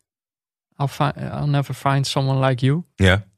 Een beetje onorthodoxe keuze. Dat zingen ze dan uit volle borst. De eerste keer is dat leuk. Nu hebben ze, nu hebben ze nog een ploeg uitgeschakeld. Eh, Derby County. Die, eh, Van eh, Wayne Rooney. ja, nou ja, Wayne Rooney. Ik bedoel, ze, mo- ze moesten allemaal kinderen opstellen. Want die hele selectie eh, heeft... eh, Daar hadden meer ploegen last van deze Ja, week. die hadden een uitbraak. Dus die konden alleen maar kinderen opstellen.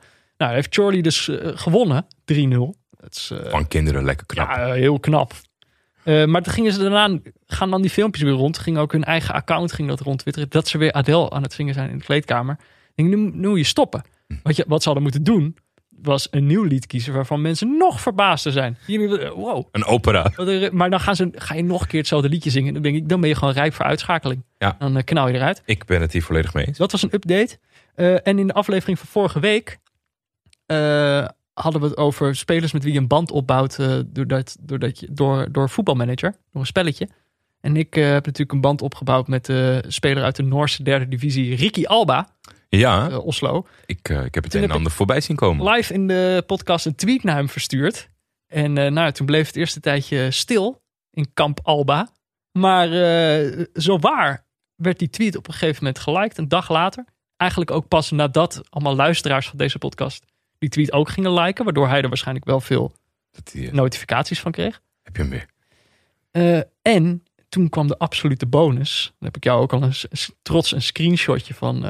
Ja, dit, eh, dit ben ik niet gewend van jou. Ik vind jou niet het persoon eh, om, hier, eh, om hier gelukkig van te worden. nou, Maar Ricky Alba is mij gaan volgen op Twitter. Ik ben een van de 50 accounts die hij volgt op Twitter. Met onder andere, ja, Champions League account en Peter Buurman. Dat is het zo'n beetje. ik zou het Dus- super leuk vinden als hij grapjes gewoon vanuit vriendschapsoogpunt gaat retweeten. Want hij kan het natuurlijk helemaal niet lezen. Nee, ik- ik- er komt natuurlijk ook gewoon een moment dat hij denkt... ja, deze gast spreekt Nederlands. Ik snap er niks van dat hij me weer ontvolgt. Dat gaat heel veel pijn doen. En ik dacht eerst, hij gaat mij nu een DM sturen. Want dan volgt hij mij, dan volgen wij elkaar... dan kan je eh, met elkaar eh, praten. Ja. Eh, die kwam niet. Ah, En ehm, ik denk eigenlijk, hij, wat, ik ben nu weer aan zet. Dus ik moet weer een keer, ik moet verder spelen, maar dat heb ik nog niet gedaan. oké. Dus ik moet, hij, nou ja, hij moet maar gewoon weer goed presteren het komende seizoen met Frederikstad in een Noorse competitie. En dan ga ik hem een update sturen. De bedoeling is natuurlijk uiteindelijk dat, weet ik veel, als, Ja, zeg maar. ooit- dat we ooit naar Oslo kunnen. Dat we naar Frederikstad gaan. Ja, of nou ja, dat we op zijn minst skypen of zo. Dat lijkt me wel leuk. Maar dan we eerst Skypen met beetje, Ricky. eh, skypen Moet, ja, moet eerst even, moet er een beetje intimiteit ontstaan. Grapjes over en weer. Inside jokes. Precies, eerst even een band opbouwen. Ehm, verder, al Ja, een paar keer vergeten zijn we nog wat berichtjes uit de mailbox. Ja. Neutralekijkers.gmail.com Altijd weer eh, vriendelijke mensen die ons allemaal dingen sturen die wij dan toch nog hebben gemist. ja eh, zeer spijtig. Want er wordt nog steeds, eh, gelukkig wordt er nog veel gebruik van gemaakt. Het zijn wat dingetjes die een beetje gepasseerd zijn vanuit onze laksigheid. Dus onze excuses daarvoor. We hebben het eh, na aanleiding van het niet super aantrekkelijke duel Vitesse-Heerenveen... natuurlijk eh, hebben we ons hard afgevraagd of het voetbal nog leuk is. Daar is eh, dat zijn meerdere reacties op gekomen waar we misschien nog wel een keer op terugkomen. Ja, maar we hebben Maar die missen deze de, de, aflevering de hebben we het, noodzaak. in deze aflevering hebben we het antwoord al gekregen. Het is fantastisch. Het, voetbal is geweldig, het is het leukste wat er is. Als je maar hele kleine mannetjes opstelt.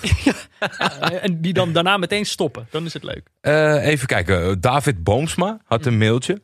De Fantasy League van Premier League teams. Beste heren, misschien dat jullie het al lang gelinkt eh, hebben gehad. Nou, dat, dat valt wel mee. Mensen zijn niet zo spontaan eh, dat ze ons op de Mensen hoogte sturen ons over het algemeen alleen eigenlijk dat account eh, van mascottes tijdens een minuut stil. Zo, Dat is eigenlijk alles wat mensen naar ons Ik heb sturen. deze, twee, deze week weer twee verschrikkelijke mascottes gezien. Eentje uit Peru, waar je echt wakker van ligt. En een, en een zombie, een zombiebeer. Ja, die was expres. Die was expres natuurlijk een beetje gaar. Dat was een zombiebeer die, die zelf zijn darmen vast had. ja, Eh, en dat is dan, ja, volgens mij was het Japan. Japan. Eh, ik weet niet precies wat de achtergrond was, maar die andere die hij stuurde was volgens mij serieus bedoeld. En dat leek helemaal nergens op. Een roze rondje. Het is, ja, is, Het is niks. nee.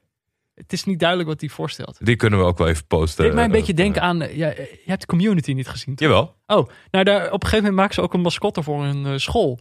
En dan willen ze zeg maar niemand tegen de borst stuiten. En dan komen ze uiteindelijk met een volledig... Blanco. eh, nou ja, de, volgens mij de mascotte heette dan eh, de, de Greendale Human Being.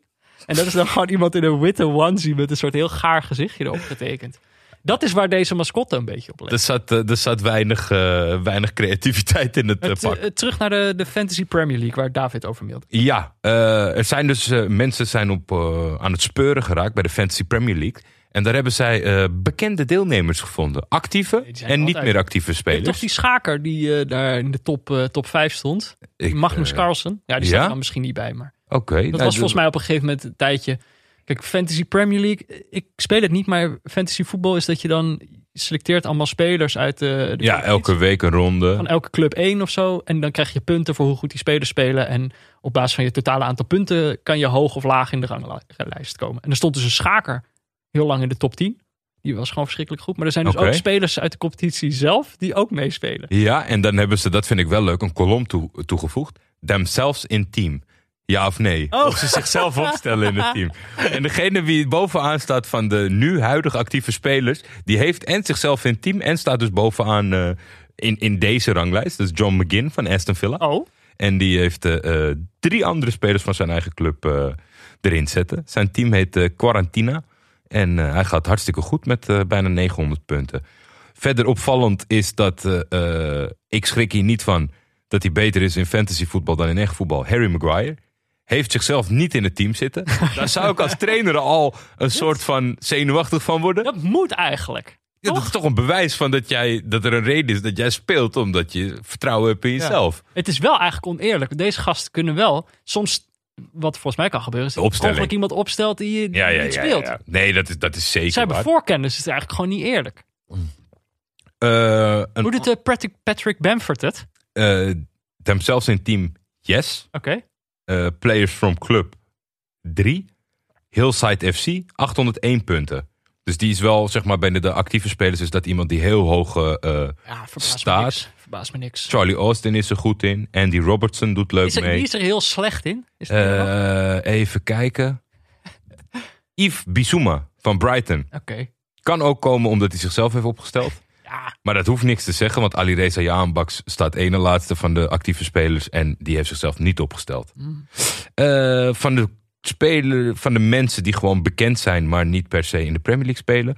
eh, nummer 1 heeft daar wel in het verleden gezeten bij Arsenal onder andere. Huh?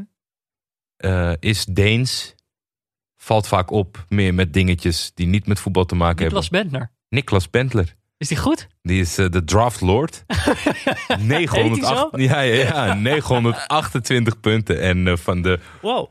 Niet actieve Premier League spelers bovenaan. Ja, dat is leuk. Heeft hij gewoon een betere carrière als fantasy voetbalspeler dan als eh, voetbalspeler? Even kijken of hier nog iemand heel slecht is. Eh, nou, Martin Eudegaard. Heel slecht. Doet het niet zo goed. Nee. Zit ook in een andere competitie. Dat, eh, dat, bedankt dat we hier even over hebben kunnen Ja, babbelen. Leuke tip. David. Was er En we hadden nog een mail mail? van Bart Blokland. Ja, Dit is, beste Jordi en Peter. In jullie laatste podcast ging het over bekende voetballers in reclames. is een En, oud mailtje. Ja. en de nieuwe hoofdsponsor van Vitesse. Ik ben dan ook wel benieuwd wat jullie van het filmpje vinden... waarin Theo Jansen de hoofdrol speelt in de Telcel reclame voor de waterontharder. Hij had een, eh, ja, ik, Ja, ik vond het wel goed. Alleen het, het, het nadeel, en dat is een beetje eigenlijk hetzelfde in, in de lijn met Adele... eh, als het leuk is, dan wordt het vaak snel verpest, zeg maar. Ik vind het dat eh, eh, als je waterontharder.com heet en je maakt een product wat de Amfa 4000 heet, dan vind ik het goed dat je zelfspot toepast hoe je het promoot. Alleen, ja, ik heb het wel veel voorbij zien komen. Dus ik weet niet, heb, heb jij het gezien? Nee, ik zie eigenlijk heel weinig reclames. Ja, Daar kom ik altijd pas achter als ik voetbal ga kijken. dat Dan in de rust ook opeens- eh, reclames. Dan, eh, dan valt je opeens pas Dit op. is wel volgens mij geen landelijke campagne hoor. Dit is niet op tv. Volgens mij is dit meer een beetje social media campagne Ah. geweest. Maar je kent eh, natuurlijk wel het clichébeeld van de Telstar reclame. Ja. Ja, en dat... Oh, eh, dat. dat, eh, Nou, dat zeiden wel. Theo Jans is daar uitermate geschikt voor, eh, vond ik. Waterontharder is ook die categorie voor mijn gevoel. Ja, zeker. Ehm, en nou, ik had nog een voorbeeld. Oh, Dat is een van de reclames die ik zag. Ze hebben weer voetbalplaatjes bij weet ik veel welke supermarkt. Ze doen het allemaal toch? Mhm. Eh, maar er zat Matthijs de Licht zat in die reclame. En ehm, oh, die mevrouw wil ze wel even brengen. ja, ik zag een soort heel korte reclame dat hij, eh, hij, plakt, eh, hij plakt iets in het boekje en dan roept hij, ik heb hem! Of zo. Oh, nou, dan zijn er meerdere. Maar dan denk ik, Matthijs de Licht, dat is toch ook zo'n... Kijk, we hebben nu wat minder zicht op hem omdat hij in Italië voetbalt. Mhm. Maar dat is... Waarom kan, maar, hij ook al, nee, maar waarom kan hij ook al acteren? Die jongen is gewoon, het is gewoon niet te geloven hoe, eh, hoe, hoe goed dat hem dat allemaal afgaat. Ik, die jongen, zeg maar, wij spraken eh, Cody Gakpo en dan valt je gewoon op wat voor een stabiele, rustige, verstandige, eh, intelligente jongen zo iemand dan is. Mhm. Maar ik denk, Matthijs Ligt is nog wel een level daarboven. En ik vraag me gewoon wel af. Wat ik echt van hem zou willen weten is van, van is er geen rafelrandje of zo? Zou dat het gewoon helemaal niet zijn bij hem? Over het algemeen, als het helemaal ontbreekt, haak ik een beetje af. Ja, toch? Met, eh, ja, Dat, is het eh, gevaar van Matthijs de Ligt. Als je ook al zo overtuigend in een voetbalplaatjesreclame kan spelen, dan denk ik, eh, Maar moet, moet ik nu de persafdeling van Juventus gaan mailen of wij langs mogen rijden? ja, e- moeten we eerst de scriptie van, van Pirlo lezen zeker? Dan mogen we pas. Ja, dan moet Auto.nl ook wel even een auto ter beschikking stellen als die kilometers eh, moet maken. Nou ja, ik, ik, ik weet het oprecht niet, Peter. Ik denk, eh, ik denk eh, dat het gewoon... Sommige mensen gaan dingen heel goed af, Ja, zonder al te veel inspanning. ja geweldig. Ehm, doet hij toch goed. Dus ik denk, ja, maar dan heb ik misschien denk ik toch liever iemand die het dan slecht doet. Eigenlijk. Dan liever je- een speler die compleet out of place is in zo'n reclame. Dat is vaak leuker. Dat je denkt, oh nee, jij bent toch wel echt een voetballer. ja, zo. Oh, ja, dat, dat dat net de categorie reclame is waarbij het oké is dat je Ja. opvalt doordat je niet eh, daar hoort. Volgens mij, ja, ik, ik, heb niet, ik heb niet alle voetbalplaatjesreclames eh ken ik niet uit mijn hoofd. Dat Er zijn, zijn zat spelers geweest die dat, die dat een beetje zo half deden. Dat is best wel grappig. Ja, en er zijn natuurlijk ook mensen, en zelfs bij onze luisteraars, die niks eh, met voetbal hebben of voetbal niet kijken. Daar, het gevaar daar bestaat bij dat die die reclames zien en denken van, oh, acteur. Dat je niet door hebt dat Matthijs er de een... Ligt, fantastisch acteur. Het zou kunnen. Zou ook een prima acteur zijn. Oké, Moeten we crowdsourcen? Ja, we hebben natuurlijk, eh, we zijn toe aan het gecrowdsourced onderdeel van onze aflevering. Iedere aflevering geven we onze vrienden van de show de, de kans om namen in ons script te zetten. En dan gaan wij, zeg maar, live tijdens, tijdens deze aflevering proberen te raden waarom die namen in ons script zijn gezet. Er zijn er weer een hoop eh, opgezet. Jordi, heb jij er al eentje waar je mee wil beginnen? Of zal ik het- spits afbijten? Ehm, even kijken. Zal ik, eh, ik heb, ik, Er ik- weer een hoop. Ik heb er eentje. oh, vertel. Louis Barry. Heb je dat gezien? Louis Barry, Louis Barry. Ik heb volgens mij alles gezien, maar dan moet je me even helpen. Dan weet Louis ik. Barry was eh, een van de, de, de kinderen die door Aston Villa werd eh, opgesteld. Ja, Liverpool in de FA Cup. Aston scoorde. Villa natuurlijk ook eh, uitbraak van, van COVID. Moesten daardoor allemaal jonge jongens opstellen. 17. 17. Louis. Louis Barry heeft een jaartje in de jeugd van Barcelona gespeeld, zag ik. Oh, maar hij scoorde voor Aston Villa. Hij maakte de gelijkmaker, geloof ik. En toen ging hij na de dit, was, wedstrijd. bedoel, dit was natuurlijk in de wedstrijd. Dat ze, ik zag de cijfers, 17% balbezit. En dan zo één kans tegen 28 kansen voor Liverpool. Het is natuurlijk zo'n compleet rare bekerwedstrijd. Compleet nog verder uit balans door, door corona. ja. Eh, ehm, maar ja, Louis Barry, die dan ook eigenlijk zo'n magisch momentje. Zijn debuut in de hoofdmacht. eh, en ook gewoon een goede goal. Niet per ongeluk. Het is gewoon een goede paas. Hij is snel. Eh, blijft heel rustig oog in oog met de keeper. En eh, legt hem in de, in de verre hoek. Fantastisch moment natuurlijk. Maar jij zegt inderdaad al. Wat doet hij nou? Na de wedstrijd. Gaat hij shirtje ruilen? ja, niet Er handig. gaat, er gaan eigenlijk al twee dingen fout. Hij ruilt shirtje met eh, Fabinho, Fabinho. En dan heeft hij dus een shirtje van Fabinho. Komt hij terug in de kleedkamer. En dan zegt eh, de staf zegt dan, waar is jouw shirt? zeg maar, want ik bedoel, dit is je shirt waarin je gedebuteerd bent. Dat moet je zelf bewaren. Dat is toch heel veel waardevol voor jezelf. Veel waardevoller voor hem dan voor Fabinho. Ja, Dus is hij teruggegaan naar Fabinho om zijn shirt weer terug te vragen. En Fabinho eh, doet daar natuurlijk niet moeilijk over. Zegt, nou ja, hier, hier heb je hem weer. Dus nu heeft hij en het shirt van Fabinho en zijn eigen shirt. Maar ik bedoel, er wordt het ingezoomd op van waarom geef je je eigen debuutshirt weg? Mhm. Maar het echte probleem is natuurlijk, waarom ruil je in godsnaam met Fabinho? Wie wil nou een shirtje van Fabinho? Dat is toch helemaal niet... Fabinho wil hem zelf niet eens, blijkbaar. Nee, maar dat is... Hou jij, hou jij ze allebei maar. Er zijn toch veel leukere spelers bij Liverpool? Veel iconischer. Maar Ja, als je gescoord is- hebt, dan dat mag je is- toch als eerste kiezen, vind ik. Of zijn er dan toch spelers bij Aston Villa die dan eh Oh ja, stiekem zeker. de beste spelers er al uit Jawel, en dat is ook. eh, ik, ik vind dat. Nou, ik vind het niet erger dan de andere categorie. Dat zijn eh, de luie kinderen op de tribunes die een kartonnen bord hebben en daarop schrijven: eh Salah mag een shirt. Ja, Dat vind ik. Die, die, die, die, die, komen er niet in het leven. Dat, eh, dat is, als je nu luistert, je hebt vroeger met zo'n ja. kartonnen bord gestaan, dan weet je waardoor het komt. Dat je binnen een x aantal jaar gewoon eh, naast de pot gaat Fi- Maar pissen. Fik mag dit niet doen? Wat, Nee, wat absoluut niet. dan? Nou ja, hij mag eh, best eh, schreeuwen zo hard hij kan Ah, om op te vallen. Niet een bordje. Geen bordje. Wat is een laksigheid. Ik vind het zo'n laksigheid. Dat, je vecht daar met z'n allen en iemand heeft geluk. En dat, dat, dat, ja, ik, spelers die erop ingaan vind ik ook afgeschreven. Ehm, maar dat vind ik dus ook van spelers die al tijdens de wedstrijd gaan onderhandelen met de tegenstander. Van kijk, heb je het over dat Crowley, dan ga ik echt niet Piet Luttig over doen. Maar je hebt het gewoon op Champions League niveau en je hebt het in competitieniveau. Iemand die zo in de rust tegen die tegenstander aan gaat schurken. Meestal van het kaliber Ronaldo, zeg maar. Van, mag, ik, mag, mag ik jouw shirtje zo meteen naar Ja. En dan Ja, verpest je nou? natuurlijk ook de kansen voor een Louis Barry. Zit eh, Danilo bij Ajax, die uh, Dijverson, eh, zijn shirtje. Dat was ook niet handig. Dat was heel onhandig. Dat was niet handig. Het is nou ook niet zo dat Diverson volgens mij een standbeeld heeft in Brazilië. Dat het een of andere grootheid is. Nee. Dus dat was dubbel onhandig. Ehm, Maar dan heeft hij voor goed op de blaren gezeten volgens mij hoor. Zullen we heel even in de, de, de FA Cup blijven? Want er zijn meerdere FA Cup namen opgezet. Is helemaal prima. Gewoon een apart blokje. Henk Veerman? Nee, eh, nee, vertel. eh, Nick Tsarula. Mhm. Cho op het eh, lijstje gezet. Dat is namelijk een speler die uit de jeugd van Tottenham kwam. Heeft Ja. een auto-ongeluk gehad. Oh, die met een jaar lang... eh, Ja, een jaar lang uit de running geweest. Contract niet eh, verlengd daar. Is toen nog naar Brentford gegaan. Heeft het daar ook niet gered. Maar dan in de FA Cup.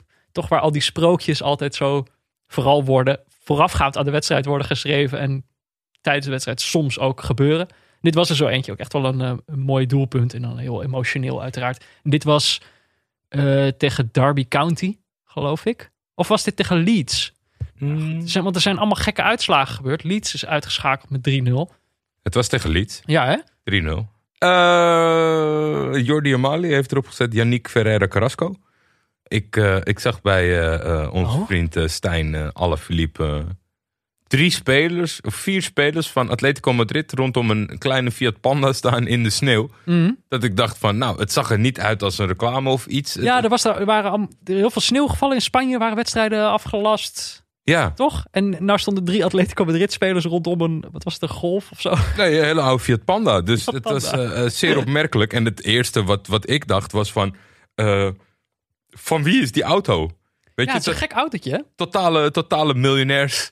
Die, die, dat, dat- dat, het plaatje klopte niet, zeg maar. Nee, Maar een soort beeld uit van vroeger. Weet je wel, dat dan die voetballers die dan eh, nu heel oud zijn, dat ze zeiden, ja, vroeger gingen we gewoon nog met z'n vieren in de Fiat Panda naar, eh, Naar naar het het trainingsveld. En nu gaan ze allemaal in de Maserati. Maar dit was inderdaad, het lijkt zo'n foto uit een andere tijd. Ja, maar eh, alles komt altijd uit, gelukkig. Dus eh, Partissimo, die had dat opgezocht. Eh, this Fiat Panda was actually lent to Carrasco by his neighbors because it goes well on the snow. I'm actually wheezing this thing about this club is unparalleled. Dus eh, ja, de, de vriendelijke buren die zeiden... Yannick, pas op, het sneeuwt. Moet je onze, onze Fiat Panda hebben met sneeuwkettingen? Gast gigantisch gecashed in China en dan lekker met z'n vier in een Fiat Panda. ja, dat is wel, ik vond, ik vond het is een hele leuke foto. Ik vond het wel eh, leuke humor dat hij op het aanbod is ingegaan. Zeker. Eh, verder zag ik een naam, ja, die moet je dan toch even noemen. Soms dan zie je er opeens een naam op staan en dan denk je, oh ja, die bestaat ook. Cornino 9000 had de naam Jan Vennegoor Hesselink opgezet. Wat is de laatste keer dat je aan Jan Vennegoor Hesselink dacht? Toen hij nog actief voetballer was, denk ik.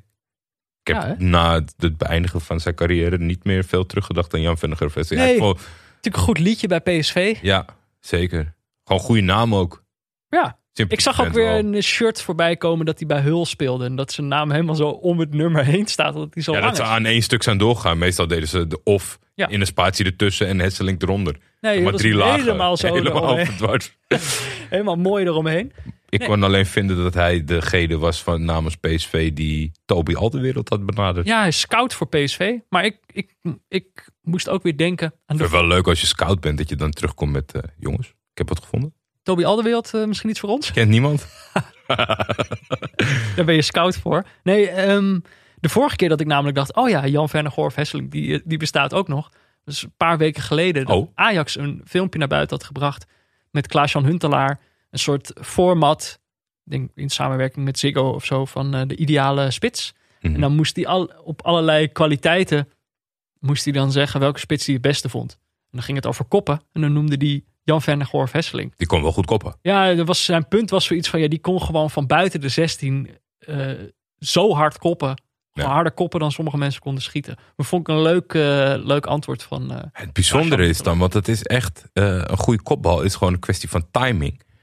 Maar dat is ook een stukje gevoel, zeg maar. En ik Ja. zie Jan, Jan Vennegoor Vesseling, dat dacht je nooit van, die is heel soepel in de heupen. Maar met zijn hoofd, perfecte timing. Keihard, eh, keihard hoofd, denk ik. Even kijken, wat hebben we hier nog meer? Kazuyoshi Miura heeft eh, zijn contract weer met een jaar verlengd. Dit is een, eh, een speler uit de Japanse competitie die Wat is hij? 68? twee, Heel oud. twee of 53 is hij. En die gaat nog een jaar door. En dat is, laatst had hij nog gewonnen van Iniesta. Ja. En dan was hij ook gewoon belangrijk in, eh, belangrijk in die wedstrijd. Ja, het is toch wel, het- weet je, het, het wordt veel genoemd. Het is niet echt eh, origineel, maar ik vind het wel gewoon opmerkelijk. Ja, die heeft gewoon een fantastisch staat gewoon geen norm. er staat helemaal geen. Wordt die gast al onderzocht? Zo van hoe het kan dat, zo, dat, dat hij ja, dat, zo lang topsport dat aan je de piepjestest overleeft op die leeftijd, zeg maar. Ja, ik Of zou het pure discipline zijn? Allebei waarschijnlijk. Een Ja. beetje van beide. Een beetje clichématig zijn om dan over zijn afkomst te beginnen. Maar het is natuurlijk wel. eh, ik denk wel dat hij discipline bezit. Het is, kijk, ik ben natuurlijk 28. Dan ga je langzaam bij neerleggen dat de profcarrière het niet meer gaat worden. Maar ja, hij zit op 52. helemaal Ik ben afschrijven, nog- Ik ben nog geen 52. Nog lang niet. Als die het nog kan, dan kan ik, eh, kan ik ook. Ehm, mensen smeken om een Daily Sinkgraven update. Dit seizoen, en we zijn pas op de helft, eh, al evenveel gespeeld als het hele vorige seizoen bij elkaar. Ja, nou, daar, eh, daarmee weet diegene eigenlijk meer over Deli Sinkgraven dan ik. ik ben natuurlijk Deli Sinkgraven watcher. Ik kijk die wedstrijden nooit. Dat is dan een beetje het probleem. Maar ja, er is weinig concurrentie, dus komen mensen toch altijd bij mij uit. Eh, eh, nou, eigenlijk het vervelende nieuws is, hij had nog veel meer wedstrijden kunnen spelen, maar hij is besmet geweest met het coronavirus. En ik zag Oh. ook dat hij in de afgelopen wedstrijd, die ze gelijk speelde tegen Werder Bremen, geloof ik, Ja. dus Bos is allemaal punten aan het morsen. En dan heeft hij geluk dat de rest het ook doet. Eh, maar hij werd ook na een uur gewisseld. Toen dacht ik, oh ja, misschien is hij nog niet helemaal fit. En eh, ja, dat blijf ik nog steeds denken van... Er zijn zoveel profvoetballers al besmet geweest met dit virus. En Eh, gelukkig hebben we geen verhalen gehoord over gasten die echt weken vreselijk aan toe zijn. Of een paar verhalen hebben we daar op die manier gehoord. Maar ja, je weet niet, toch niet precies wat de lange termijn effecten zijn. Soms heb je opeens zo'n gerucht over een speler die dan maanden la... Die Bala was op een gegeven moment zo'n verhaal van... ja, die is al maanden niet eh, top Die was, heel, door zijn covid-besmetting. die was er heel vroeg bij ook met de Maar besmetting. je weet het gewoon niet. Het is natuurlijk een eh, rare ziekte. En eh, ja, al die spelers moeten toch allemaal... In Engeland gingen ze weer het hele land door om, om tegen Jan en allemaal te spelen voor de FA Cup. Ja. Ja. je, je weet het niet wat het allemaal voor problemen oplevert. De eerste naam deze week die gepost werd was door Guido. En dat was Siem de Jong. Dan kan ik ook aansluiten met iemand anders die dat eh heb genoemd. Oh, nou ja, eh, op zich. Ik denk dat dit het wel een beetje samenvat. Als je googelt op Siem de Jong. En dan zeg je, klik je, tap je het nieuws. Siem de Jong na debuut voor de SC Heerenveen. Ik moet meebrengen. Siem de Jong kan vrije val Heerenveen niet stoppen. Siem de Jong eh, kent dramatische start bij knoeiend Heerenveen. Gek is dat sinds wij naar Heerenveen hebben gekeken, gaat helemaal mis. Ja, sorry. Sorry voor iedereen die Heerenveen een warm hart toedraagt. Maar ja, dat is, ja, Siem de Jong. Ik, ik vind dat dan zo. Dat is, is dat dan op basis van het genereren van kliks? Dat ze zo'n overweging zouden maken alsof Wat? in Heerenveen wordt verwacht dat Siem Oh. de Jong deze ploeg even bij de hand neemt? Dat is toch Nou, ik denk dat, we- natuurlijk wel. ik denk dat iedereen wel een beetje hoop heeft of zo. Ja, Ja, je weet heel lang niet. geleden dat, eh, dat het eh, zeg maar voor de wind ging. Ja, maar dat is, eh, dat is voetbal, hè? Blijven hopen. Dat is waar. Aan de andere kant was er Jos, Jos Faberijs, eh luisteraar van het eerste uur. Die zette George Ulte. Ja. En misschien als Dat is jij de mijn... eh, tegenstander van Heer- Heerenveen. Die ja, dat, eh, die, eh, dat is eh, de machine Fortuna Sittard. Ik, eh, eh, misschien als je wat op mijn tijdlijn eh, voorbij hebt zien komen. Best coach in the world. Wat zei jij? Zei Jordi Amali. Ja, ik, ik, ik, ik vind dat, eh, ik vind dat eh, indrukwekkend. Dan kan je je afvragen bij al die wedstrijden die je kijkt... is Fortuna zo goed of de tegenstander zo slecht? Zij hebben nu vier keer gewonnen en één keer gelijk volgens mij... sinds hij de trainer is. Ja. Eh, ja, het, het is natuurlijk met een knipoog. Maar toen kwam eh Jongs, maar die kwam er nog even over aan. Kijk, is data jongen. Dus Ja. die ondersteunde mijn mening met, eh, met de data die er onderliggend was. Want hij staat, als hij vanaf zijn dienstverband is gestart... is hij de beste trainer van de Eredivisie. Ja. Waar stopt dit? Ik bedoel, tegen cijfers hebben we niks in te brengen. Dat is het George uh, Ulte-effect. Ik denk dat, dat aan de hand van Ulte Europa nog ingaan. Linkerrijtje. Linkerrijtje zeker. Europa moet kunnen. Ehm, over linkerrijtje gesproken? Nee, niet echt. Eh, dit is de, de, de laatste die ik nog even wil noemen. Mhm. Eh, de machtige Moskip noemde Matthew Hoppy. oh, En eh, Bart de Vries noemde Schalke 04. ik denk dat die samen die wedstrijd zaten te kijken. Ik heb dit namelijk al... Ja, het komt toch weer even voorbij. Ik noemde Varzi met Schalke van, van de tweede Bundesliga. Van de tweede Portugese competitie. Ehm, en dat is natuurlijk omdat Schalke nog niet gewonnen had. Nee. Maar het was... eh, het is tegen gebeurd. Hoffenheim was het opeens zover. En dan staat er een eh 19-jarige jongen. Die staat in het veld. Dat was, het, was het nou echt zijn debuut ook nog? Dat heb ik dan weer niet opgezocht. Dat weet ik niet Dat zeker. de Ik weet wel dat het de eh, eerste Amerikaan ooit was die een hat-trick maakte Ja. in de, in Heb goals Bundesliga. Eén daarvan, maar Ja, gewoon drie perfecte spitse goals. ja. Maar dan zat de oplossing waarschijnlijk al die maanden gewoon eh, Bij hem. ja, op Is de bank. absurd? Ja, maar dat is- je, je blijft maar gewoon... Want uiteindelijk vraag je je af van hoe kom... Als je eenmaal bezig bent als Schalke... En het gaat zo slecht... En het enige verhaal dat iedereen over je kan schrijven... is dat je verschrikkelijk slecht bent. En dat je misschien nog wel slechter wordt dan die ene ploeg... die, eh, die ooit nog veel slechter was. Ik vond het wel teleurstellend. Dat ze toch... eh, Ja, maar als je dan, weet je, je praat echt over een hele lange reeks, hè, dat die andere ploeg niet had gewonnen. Mhm. En dan ben je zo op het nippertje. En ja, oké, we hebben het dan misschien nergens anders over kunnen hebben in combinatie met Schalke de afgelopen maanden. ja, Maar pak dat record dan ook even, man. Dat Maar maakt dat- toch het verschil niet meer. Maar dat vind ik zo bijzonder. Dat dan, je blijft allemaal maar dingen proberen en iedere keer lukt het er niet. Je hebt natuurlijk ook een beetje pech. Dan verlies je de hele tijd weer. En dan op een gegeven moment is de pijp toch wel leeg. Maar dan, ja, als je deze jongen ziet, dan kan ik me niet. Als je die goals ziet, kan ik me niet voorstellen dat ze niet eerder hebben gezien dat, hoe goed hij is. Of het was gewoon echt. eh, hij, had, gewoon- hij had het gewoon even op zijn heupen. Dat kan natuurlijk ook. Een one day fly. Nou. Daar hoor je nooit meer wat over. Maar ja, toch weer een Amerikaan. Die hebben toch wel wat eh, jonge, talentvolle spelers. Eh, Bertje, die had eh, Bas Dost en Noah Lang. Nou ja, het is inmiddels eh, eh, de negentiende club van Nederland, eh Club Brugge. Ja. Zo al langzamerhand. Ja, die, die, soort, die, die solliciteren wel heel erg naar een eh benenliga. Ja, die hebben uh, Denzel ook nog teruggehaald in de Mhm. tussentijd. Maar ja, Bas Dos maakte zijn debuut, scoorde daarbij. Was nog niet helemaal tevreden, want zo is Bas. Er moet altijd meer. Had je En, het commentaar gehoord bij de goal? Nee? Het was ook een mooie goal. Leek een beetje op die van Cayetano in de zin van dat het een voorzet vanaf links was. Eh, die uit de lucht werd Geplukt. binnengeblaast. Binnengeblazen, zei ze. Maar wat ze... Je weet dat de bel geluisterd hè, dus. Ja, die bal werd binnengeknald en eh, de commentator zei... ja, dat is Bas Dost. Dacht ik, dit vind ik wel... Ja, die gast heeft een reputatie en hij levert eigenlijk altijd en overal. Ja, doelpuntenmachine. toch wel vet. Ga je Benieuwd goed, hoe ver dat gaat met die... want ze zijn wel lekker bezig. Noah Lang prikte er ook nog eentje in. Ja, even kijken, wat hebben we nog meer gezien wat van belang is? Ik ben klaar. Oké. Manon en Plasse Schöne. Daar wil ik van toevoegen dat dat eh, Ajax-sentiment moet ro- losgelaten rondom dit persoon. Dat is natuurlijk iemand die hartstikke goede wedstrijden voor Ajax heeft gespeeld. Telkens als hij werd afgeschreven, kwam hij weer terug, nam hij de ploeg bij de hand. Mhm. Maar je moet ook verder in het leven. En Lasse is op een leeftijd gekomen. Volgens mij staat hij in. eh, eh, heeft Monza interesse.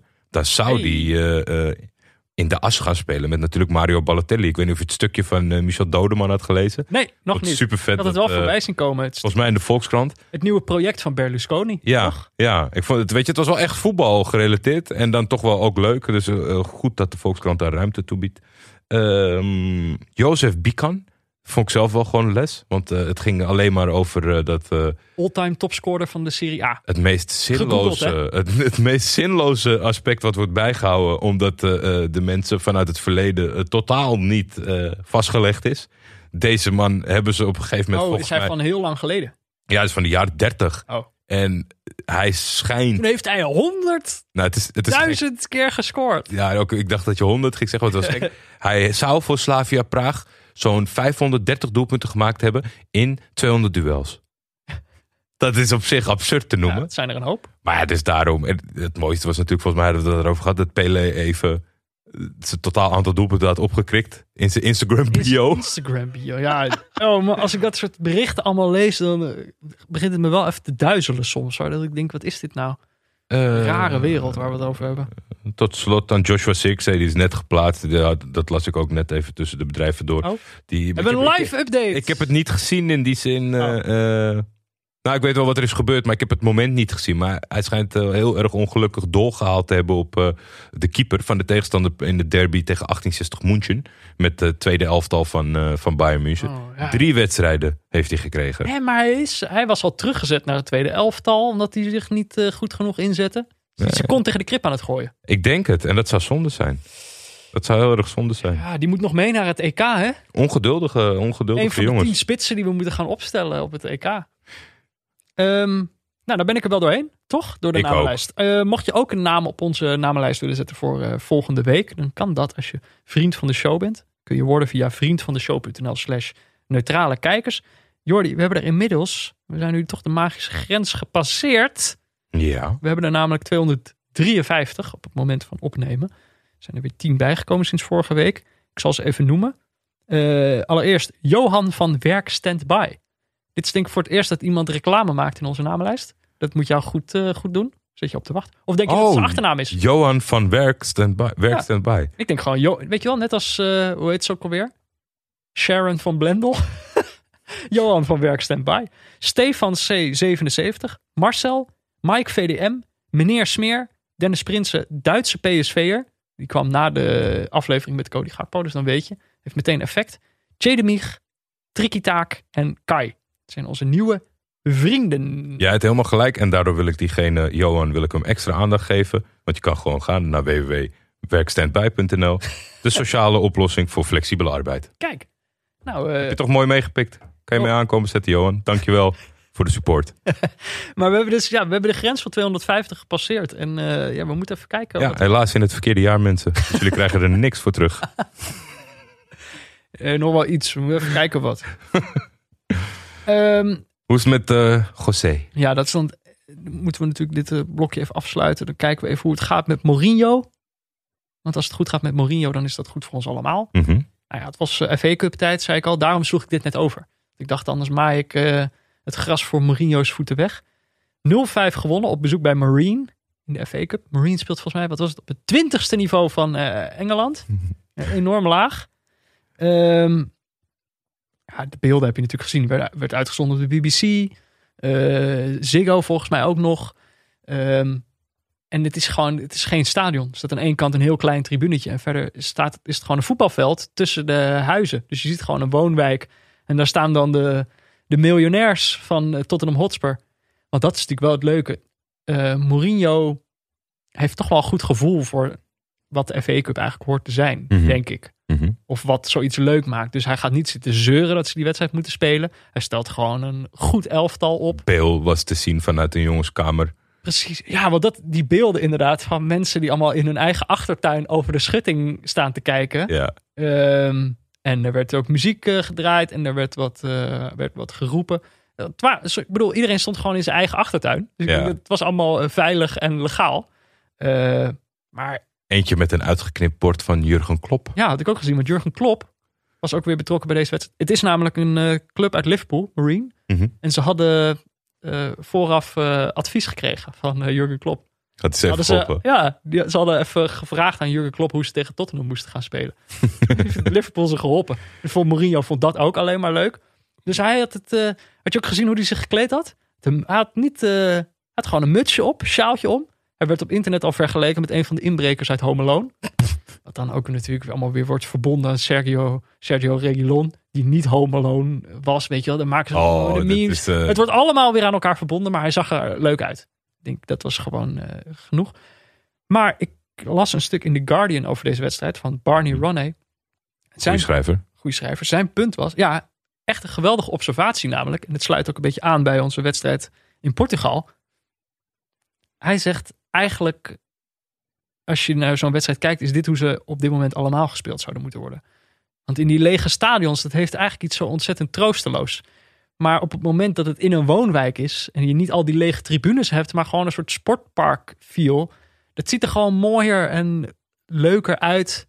Eh, wat mensen Goed in hun punt. achtertuin, het is gezelliger of zo. Ik vond dat een mooi punt. Dacht ik, ja, misschien is dat de oplossing. Ja, ik weet niet of, of, het, eh, of het in alle landen kan. Want eh, kijk, hoe heet het speelt natuurlijk eh, op, dat, op dat veld van Castillo, Real Madrid. Mhm. Dat is, niet, dat, is, dat is zeg maar een soort mini-stadion, Ja. maar ver verwijderd van mensen en leven. En dat heeft niet hetzelfde effect, zeg maar. Nee. Oh ja, en om toch even af te maken. Want eigenlijk gaat het natuurlijk over Mourinho. Was ik toch even over Tottenham Hotspur aan het praten. Vorige week hebben ze nog gewonnen van Brentford. Waardoor ze de League Cup finale gaan spelen. Dat is de andere beker eh, Ja. Tegen Manchester City. Dus ergens in april heeft Mourinho kans op, eh, op zijn eerste prijs van het seizoen. Eh, en eh, een van de jongens die scoorde. Want Tottenham won van Marine toch vrij, vrij makkelijk. Ging bij een 0-0 stand nog een bal op de lat mhm. boven keeper Joe Hart. Dus het was nog eventjes spannend. Maar uiteindelijk werd er ook gescoord door Elfie Devine. Ja. En eh, dat is, die jongen is eh, tien of zo. Nee, eh, even serieus, hij komt uit 2004. 2004 Hij is geboren nadat Mourinho de Champions League won met Porto. met Porto. Nou, dit is het nieuwe talent van eh, Tottenham dit, is, dit is het grote talent. Nou, dit, een van de grote talenten. Eén van de daar grote hebben. Ze talenten. volgens mij prima jeugdopleiding. Elfie Devine. 2004. We- Voor mijn gevoel ben je dan serieus zes nu of zo. Maar toch, die kan gewoon scoren voor Tottenham Hotspur. Ik wil nog één, is, ja, niet echt Mourinho, maar toch wel tot in een blokje, want dat, dat moet ook dan maar erin poppen, eh, proppen. Ehm, memes vind ik altijd goed. Zijn ze in Engeland ook goed in. Mhm. Er was dus iemand die, er werd gejuicht naar een doelpunt. Iemand maakte dat belachelijk, door middel van een screenshot, omdat die spits zo stond. ja, Vinicius maakt een hat-trick. Ja, en De spits van Tottenham. En Ja. die ging inderdaad zo... ging stoer juichen. Beetje als Donny van de Beek wel eens deed. Ja, Zo handjes over elkaar. En dat is misschien, eh, ondanks dat het gewoon goed is voor je zelfvertrouwen en je die doelpunten gewoon moet maken, misschien iets te enthousiast tegen Marine van het 22e niveau. Ja joh, Maar hij diegene, speelt er net. Diegene had een screenshotje gemaakt en die ging daarover lachen. En toen had iemand dat geciteerd en daar stond boven... The funniest thing about this screenshot is that someone is illegally streaming this game. It's on BBC One. dat is wel... Dat is wel eh, moest ik hard om lachen. Dat je de, de gratis wedstrijd... eh, nou ja, volgens mij is het niet eens... Technisch gezien niet mogelijk dat je niet BBC kan kijken... als je wel een computer heeft. Ja. Ja, je weet het niet hè. Je weet het niet. Ah, het is die chat misschien wel hè, van al die kanalen. Die weten hoe gemoedelijk het in zo'n chat kan zijn eh, op de streaming sites. Ja, of gewoon een beetje dat korrelige beeld. Dat geeft dan toch eh, het vintage voetbal eh, ge- gevoel. Ehm, nee, maar het gaat dus het gaat prima met Mourinho. Volgens mij. Goed. De wedstrijd van volgende week, nou, die hadden we al uitgekozen. Dit is namelijk twee ploegen die allebei op ons verlanglijstje stonden voor het nieuwe jaar. De magische spits tegen Kamavinga. Ja, in de kerstspecial eh, wilde ik graag Brest zien en jij wilde graag Rennes zien. En die treffen elkaar op zondag 17 januari, 1 uur. Eh, ja, Kamavinga heb ik denk ik nooit zien spelen, maar is de next big thing als je iedereen mag geloven. Die is ook, eh, wat is hij, 12 of zo? En, eh, 11,5. 11,5. Een geweldige eh, voetballer schijnt dat te zijn. Eh, daar ben ik zeer benieuwd naar. En inderdaad, de, de superspits waar jij het over had. Dat is de gast die beroofd is van de Puskas Award. Ja. Dat die heeft namelijk, eh, dat is Cardona, die heeft een magische doelpunt gemaakt. ja, maar die sprint van 80 meter van Son, Peter. Dat is zo atletisch. Ja. Eh ik heb er heel veel zin in. Het is echt weer een, op een perfect tijdstip voor ons. Moet, ja, ik ben benieuwd om, omdat we. Kijk, dat hebben we natuurlijk niet echt eerder gedaan. Getracht elkaar te wijzen of, of, of te overhalen om iets te gaan kijken. Ik ben een beetje bang dat er misschien een sfeertje ontstaat. eh eh, gespannen sfeertje volgende Dat week. Is jouw team. ben? Ja. Ja, ja, ja. Nou, zou kunnen. Misschien dat we dan een keer ruzie krijgen. Zou wel leuk zijn. Eh, nou, mocht je na deze aflevering nou zin hebben om Penafiel eh, te zien spelen. Die spelen zaterdag tegen Vigela. Die kwam ook nog voorbij in jouw eh, verhaal ergens. ja, klopt. Eh, en mocht je Varzim willen zien. Ja, ik denk toch dat wij er wekelijkse updates over moeten gaan geven. Nou gun ik deze ploeg alles. Het is dat Rui Cay- Cayetano gestopt is. Dat is natuurlijk wel lastig. Ja, dat was ook. Jij was bezig eerder met dat eh, update-blokje. Ik dacht, ja, Cayetano. Toen dacht ik, oh nee, dat kan nu niet meer. Nee, Dat was wel domper. Maar ik vind dat wij Varzim in de gaten moeten houden in een Ja. strijd tegen... Misschien staan ze na zes wedstrijden gewoon boven de strepen. Dan laten we ze ook los. Maar zolang ze onder de streep staan, blijven wij ze in de gaten houden. Ja, die spelen tegen Casapia op zondag. Eh, ja, verder Edgar Davids, die moet woensdag alweer aan de bak. Ja, Wordt live uitgezonden op kanaal zelf 11. niet bij? Ja, Ja, om 8 uur tegen Clube de Futebol Esperanza de Lagos. kijk mee. Dan mag ben ik in ieder geval niet alleen. Nee, Ja, maar nou, tenminste, als je het ziet, dan kan je zien of hij rood gekregen heeft of niet. Dan krijgen we de bevestiging. we eindelijk... eh, ik ga wel weer de onderzoeksjournalistiek in. Precies. Ehm, even kijken, dan heb ik voordat ik naar de aftiteling ga, Oh, nog een eh, spraakberichtje kregen wij binnen. Heb je dit gezien? Via, ehm, via vriend van de show kan je namelijk eh, spraakberichten naar ons sturen. ja. En eh, we kregen een berichtje van vriend van de show, Jelmer de Boer. Hey Peter en Jordi. Ik heb even, even een klein stukje feedback, heel klein stukje feedback. Is dat eh, Peter op het eind van de show zegt: eh, de hoofdsponsor op de borst is nog altijd auto.nl. Maar dat klinkt echt alsof je over je vriendin zegt: ja, dit is nog altijd mijn vriendin. Dat is een beetje, dat is een beetje denigrerend of zo. Alsof er al lang wordt voorgesorteerd op een nieuwe, nieuwe hoofdsponsor. Ehm, ja, ik vind dat niet leuk om te horen. Dus bij deze, kijk maar even wat je ermee doet. Nou, het is toch... eh, Kijk. Oh, zo heb ik er nooit het, heet, gekeken. het heet vriend van de show. Eh, nou, dan moet je ook eerlijk tegen elkaar kunnen zijn. Dus ik ben blij dat eh Jelmer dit tegen me zegt. Maar dan denk ik, ja, eh, je kan het toch ook op een andere manier interpreteren. Ik ben gewoon, ik bedoel, hoe lang zijn ze al? Zijn al bijna twee jaar onze sponsor of zo. Ik vind dat wel bijzonder. Dus het is eerder een, eh, een uitspraak van, eh, van bewondering. Maar ik snap eigenlijk wel dat het ook anders kan klinken. Dus ik moet het eh, toch niet meer zeggen, denk ik. Oké, ik ben benieuwd wat je er deze week van Ook omdat gemaakt. anders, om- anders Jelmer de Boer iedere week zich Telefoon tegen de muur in de slotfase. Dat wil ik ook niet hebben. Nee, Dus oké, daar ga ik. ik ben benieuwd. Neutrale Kijkers is mede mogelijk gemaakt door Dag en Nacht Media. De hoofdsponsor op de borst is Auto.nl. De muziek is Tachanka van Leon Lischner en Friends en een adaptatie daarvan van Studio Cloak. De gegenpressing jingle is van Laurens Collet. De motivational talk was van Pieter Zwart. En de artwork is van Barry Pirovano. Eh, wil je meepraten? Dat kan. Je hebt het eh, gemerkt in deze aflevering. Je kan ons volgen op Twitter via @buurtvader of @tefef. Je kan ons mailen op neutralekijkers.gmail.com. En ja, we zullen toch weer proberen om eh, dat wat, regelmatiger ook eh, te, gebruiken. We vergeten het nog wel eens. Eh, want waar we meestal op gefocust zijn, zijn toch de berichtjes via vriendvandeshow.nl slash neutrale kijkers. Daar kan je de podcast een klein steuntje in de rug geven. Verder natuurlijk, ja, ook in het nieuwe jaar, hou afstand, blijf neutraal. De lockdown wordt waarschijnlijk verlengd. Maar volgende week zijn we er weer. Tot dan, Jordi. Klonk veel lekkerder dit. Tot dan, Peter. Ja, hè? Veel vriendelijker ook naar onze hoofdsponsor eigenlijk. Jammer toch eh, Heb, heb jij al gestemd? gestemd? Dat is een awardshow, waarvoor? toch? Waarvoor? Dat is een awardshow, Awardshow? toch? Nee, daar heb Nee? ik niks over ontvangen, geloof ik. Oké. Nou, dan heb ik, eh, dan heb ik, het eh, verkeerd... Had ik daar tien berichtjes over moeten krijgen dat er een awardshow was?